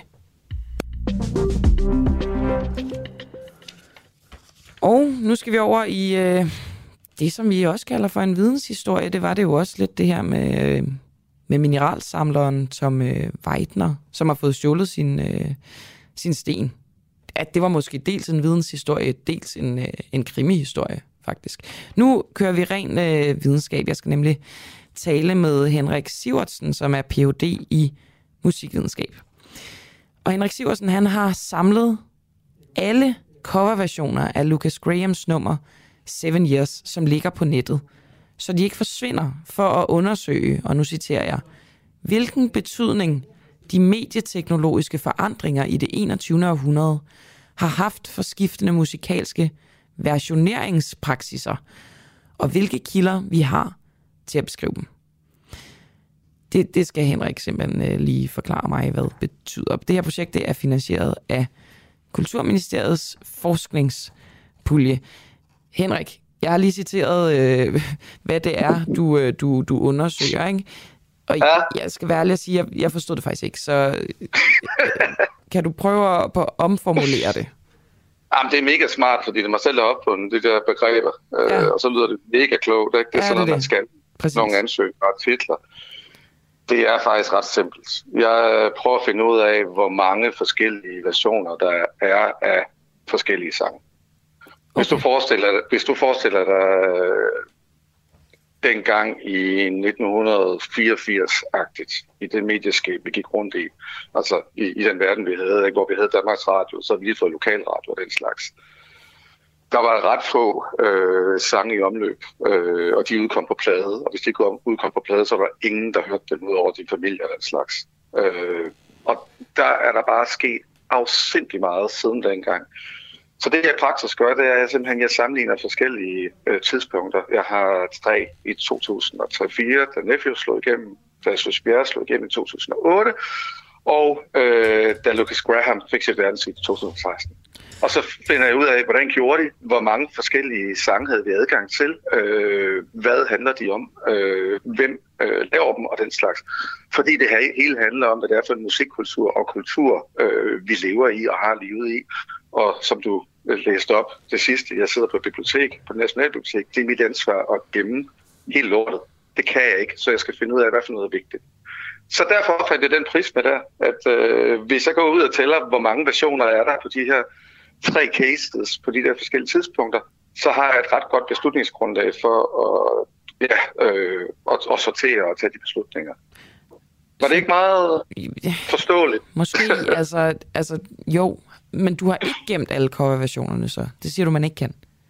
Jeg har gemt alle dem, som jeg har kunne finde. Øh, for, fordi, øh, og, og nu siger du covers, det er jo en del af det. Øh, vi er, nu ved jeg jo ikke, hvor gammel du er, men øh, jeg 29. er under snart 29. Jamen, så er vi næsten i det samme medieskab. Nu skal jeg regne baglæns. 29, hvornår du født så? 92. Det er, 92.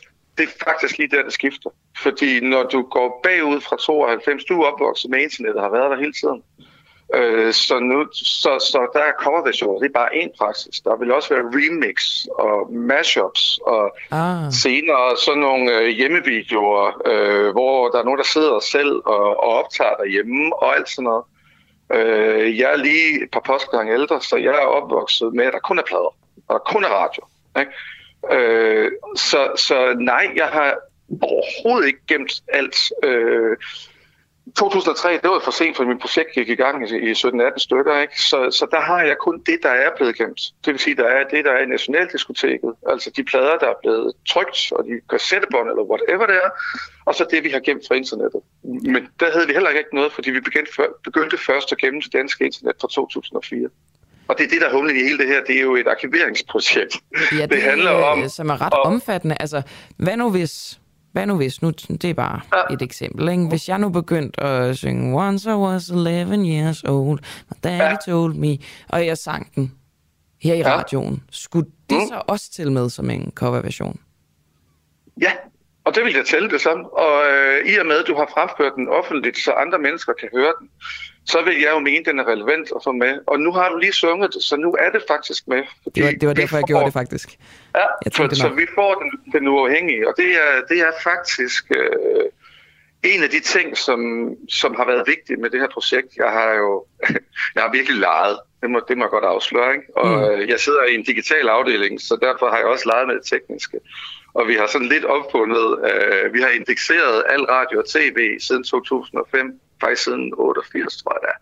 Så jeg kan, øh, så jeg kan frilydssøge mm. ned i arkiverne og finde, fordi pointen var lidt, det kan godt være, at vi ikke har fået pladen ind, men hvis vi har spillet pladen i radioen, eller hvis pladen er spillet i radioen igennem den her periode, så behøver vi faktisk ikke bruge vildt mange kræfter for at opdrive pladen, fordi så har vi alligevel melodien, eller så har vi alligevel indspilning. Og øh. det har øh. været en, en, det har været en del af det. Ja. Kan du lige forklare mig sådan lidt simpelt, hvorfor det er vigtigt, det her? Altså, jeg ved godt, at det er vigtigt at arkivere ting. Det kan også være, at det er et lidt ja. provokerende spørgsmål, men altså sådan... Nej, altså, altså det er sjovt, at jeg får altid det spørgsmål. Ja, og også det gør jeg du, altså, du får jo støtte fra, øh, fra forskningspuljen og så videre. Ikke? Det er jo skattekroner, ja. så, så det går jeg ud altså, fra, at det er du blevet presset til at skulle svare på. For det første får jeg altid det spørgsmål, øh, fordi jeg gør det. For det andet, fordi det er populærmusik, jeg beskæftiger mig med. Og der er en eller anden stadig, en eller anden grundting med, at, øh, at, at, at hvis det var politikernes debat for eksempel på Facebook, det handlede om, så, så, så tror jeg ikke, jeg ville blive spurgt om folk, øh, og spurgt hele tiden, om det var vigtigt eller ej. Og jeg vil sige, det behøver det heller ikke at være i jorden gående på et eller andet tidspunkt alligevel. Men det siger bare sindssygt meget om vores kultur og de medieskabs, vi er i. Øh, både hvad for, altså, vi svarer på en anden måde. Øh, er det vigtigt, om man gemmer øh, Du en lort med klumpen fra 2011-12 stykker? Øh, som ligger på YouTube, som faktisk var sådan ret politisk øh, anlæggende eller ej. Den ligger faktisk kun på YouTube, fordi den blev ikke udgivet øh, officielt, og den blev heller ikke spillet i radioen, fordi den var politisk på den måde, den var. Hvis ikke vi havde gemt den, og det har vi gjort, så ville den ikke være der. Øh, og det, jeg plejer at svare, øh, det korte svar på, på de spørgsmål der, jeg aner ikke, hvad fremtiden vil synes er vigtigt eller ej. Øh, jeg er rigtig, rigtig ked af, at... Øh, nutiden i 50'erne og 60'erne ikke synes populærmusik var vigtigt. Øh, fordi der er virkelig, virkelig meget, der ikke er blevet gemt, som vi i dag vil synes, jamen naturligvis skulle vi da, skulle da have haft det der. Eller under 2. verdenskrig, øh, at man ikke synes noget bestemt var vigtigt at gemme, øh, fordi det ikke sagde noget positivt om øh, beslutningstagerne og sådan noget. Jeg synes, det er rigtig, rigtig vigtigt, at vi har det i dag, sådan så vi kan gå baglæns og finde ud af, hvad fanden de havde gang i. Var det nogenlunde? Det synes jeg. Det var, det var totalt fyldskørende. Altså, jeg, jeg sidder bare med et spørgsmål tilbage. Har du selv en, ja. øh, en yndlingsversion af Seven Years? Jeg har, jeg har flere. Øh, jeg har, øh, og jeg har sådan en gåsehuds, øh, hvad hedder sådan noget, barometer. Når jeg får gåsehud, så, så tænker jeg, så er den der. Jeg kan vildt godt lide den islamiske version. Øh, Once I was seven years old, Allah told me, og så videre. Ikke? Okay, okay, ja, øh, ja okay. Ja, det, det, det, det er fordi, den fortæller noget om, om, om spændviden og vi er, vi er ude i alle kroge overhovedet. Eller den øh, pige, der står og synger til sit kraftramte far øh, på Father's Day over i USA. Begge versioner siger noget om, hvor, hvorfor jeg vil skæmme det her. Det er fordi, det handler om liv. Det er fordi, det handler om liv og død, og det handler om øh, mennesker, der putter mening ind i ting. Og øh, Lucas Graham havde en mening med øh, det lige, da han skrev sangen, men det eksploderer jo, og vi tillægger alt mulig værdi i alle mulige retninger, og derfor synes jeg, det er så fedt. Det var bare to af dem. Jeg er også helt vild med en eller anden fjols, vil jeg nok kalde det, der fik den skide gode idé at klippe øh, en hel masse dialoger fra Game of Thrones sammen, så du hører dem. Øh, alle ordene er simpelthen ord, der er blevet sagt i Game of Thrones. Ja, okay. Det lyder helt sindssygt. Eller Ja, Harry det er det. Potter. Jeg og- Okay, Eller, eller, jeg har virkelig øh, jeg er tændt for dig, Henrik. Det kan jeg godt mærke. Ja, det, men, det, det, det, det er et gigantisk univers. Det er det, og, og, det, og pointen er, at det her er repræsentativt. Sådan sker det med alle hitsange. altså, øhm, Henrik, jeg, øhm, jeg siger, jeg lader I was lige... Ja, seven years old, my mama told me, go get yourself some friends so you'll be lonely. Once I was eleven, seven years old. Præcis. Once I was seven years old, my mama told Kan, kan nå at sige en ting? Nu bryder vi snart koda. Må, må, må, kan, kan, kan, kan jeg lige nå at sige en ting? ja, det var mine kollegaer, der, øh, der simpelthen ja, overraskede. Amen, amen, amen. Det er fedt. I, I skal finde den italienske. Der er en, der, er, der er en gut, der lavede en italiensk version i 2019, og den er så hammerende italiensk. Og noget af det fede, det var, jeg opdagede det først for tid. Øh, lige, lige det, I sang der, der er sådan en... Øh, af en eller anden grund, så har folk det med at ændre den øh, linje, der handler om at ryge has og, og drikke sprit, når man er 11, ikke? Ah, Øh, ja, og de synes, det er sådan lidt, lidt lokal christiania Ja, det er meget, øh, meget øh, stadenagtigt. Italieneren flytter det ned til syv års alder. Er det rigtigt? Genialt. Jeg tænker, det er ret lokalt italiensk. Ja, det må man Super. sige. Det, ej, jeg elsker Italien. Nå, øhm, prøv at høre. Henrik Sivertsen, Ph.D. i musikvidenskab og indsamler af øh, cover, forskellige slags coverversioner af øh, blandt andet Seven Years. Tak fordi du var med. Det var så let. God dag. Lige meget. Det, det, det tog simpelthen en voldsom drejning, det her. Øhm, jeg beklager dem, der skulle lytte på især min øh, kollega Christian Henriksens falset. Det lød frygteligt. Øhm, nu er klokken blevet 8.53, 7 minutter i 9, og øh, vi har lige tid til at vende tilbage til noget, som jeg øh, talte om i første time. Der er blevet lavet en ny podcast med Simon Spies, tidligere privatsekretær, øh, som fortæller om de her øh, såkaldt morgenbolle damer, eller piger skulle man måske kalde dem, fordi øh, hun kan fortælle, at det var sårbare piger, de var sådan mellem 15 og 18 år, og de er altså blevet udsat for seksuelle krænkelser. Peter Aalbæk, vi havde en øh, kommunikationsekspert på tidligere, der kaldte Simon Spis fra, øh, for øh, altså den danske Epstein. Er han det? Og godmorgen. Godmorgen. Jamen altså, hvis man vil etablere folkedomstol, så synes jeg, man jo sådan skal øh, læne sig lidt op af, hvad vores øh, normale domstolspraksis er. Og øh, der eksisterer simpelthen øh, jo øh, meget rationelt en øh, forældelsesfrist, som gælder, så vidt jeg ved, for alt undtagen mor. Mm. Med den øh, betragtning vil jeg jo så sige, at det her øh, er jo så uendelig langt tilbage i tiden. Så selv hvis det havde været samtlige forbrydelser, eksklusiv mor, så vil en almindelig domstol nægte at tage stilling til det. Og med det synes jeg et eller andet sted, øh, vi skal lade det hvile. Okay, men der, så siger du også, at han måske har gjort noget, der i en nutidig kontekst ville være forkert. Da jeg ikke Det er ved, bare så længe siden. Da, da jeg ikke ved, hvad sandheden er, så ved jeg jo heller ikke, hvad, hvad, hvad usandheden er. Så øh, det kan man simpelthen ikke så mange år efter øh, af nogen betragtninger om. Øh, slet, slet, slet ikke, hvis man overhovedet ikke har været i nærheden af, af, af scenen. Ikke?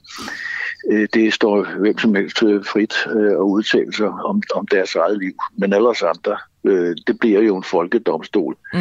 ligegyldigt hvordan vi vender og drejer det. Og så bliver vi nødt til at læne os op af de almindelige domstolspraksis, og det vil sige, der er en forældelsesfrist.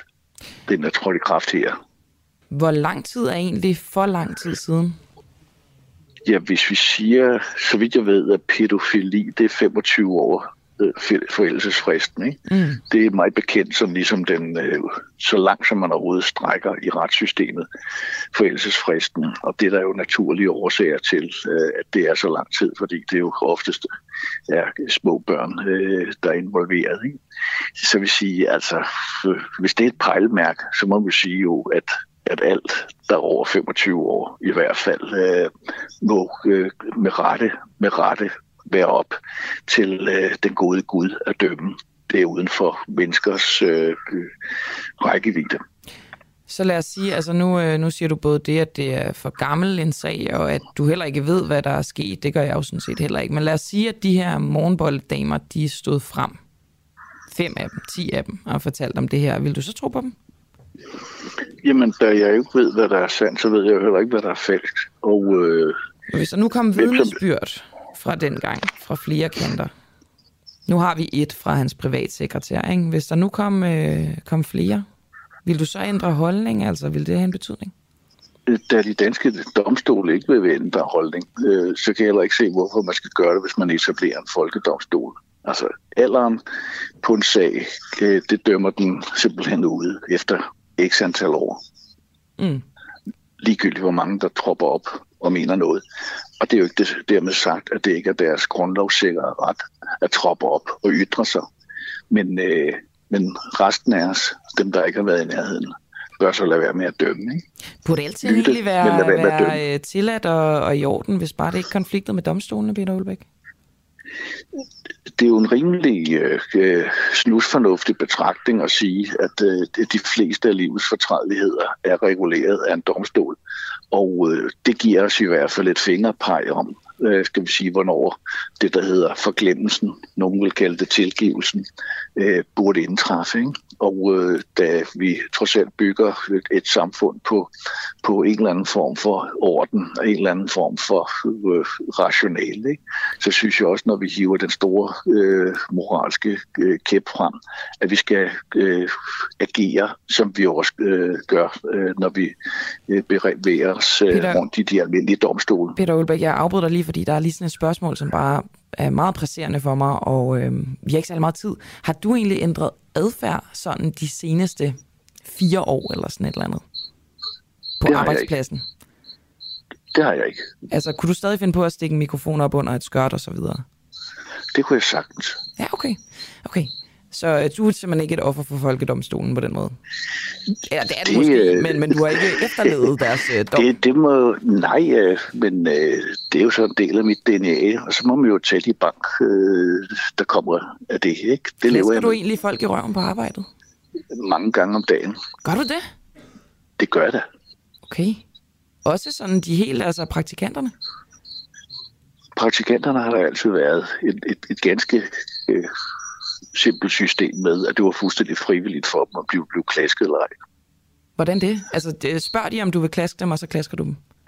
Nej, altså dengang jeg var direktør, der er mange år siden, mm-hmm. så havde man jo et frit valg, hvad jeg synes, der er en smuk ting for et moderne menneske at have et frit valg. Klar. At, man, at hvis man som elev havde kvaret sig, så kunne man vælge mellem tre klaske røven, eller komme ned og mue i mit hønsehus. Okay. Så det var et frit valg. Ja, der havde jeg sgu valgt hønsehuset, Peter Ulbæk. Øh, Nu ja, når vi men ikke øh, øh, mere det er der også mange, der har gjort, Ja, det og det er jo også meget heroisk at vælge hønsehus. Ja, det synes jeg også. Jeg er en heldinde på den måde, men øh, tak fordi du lige var med. Altid. God dag, og det lyder dejligt med fuglefløjtene.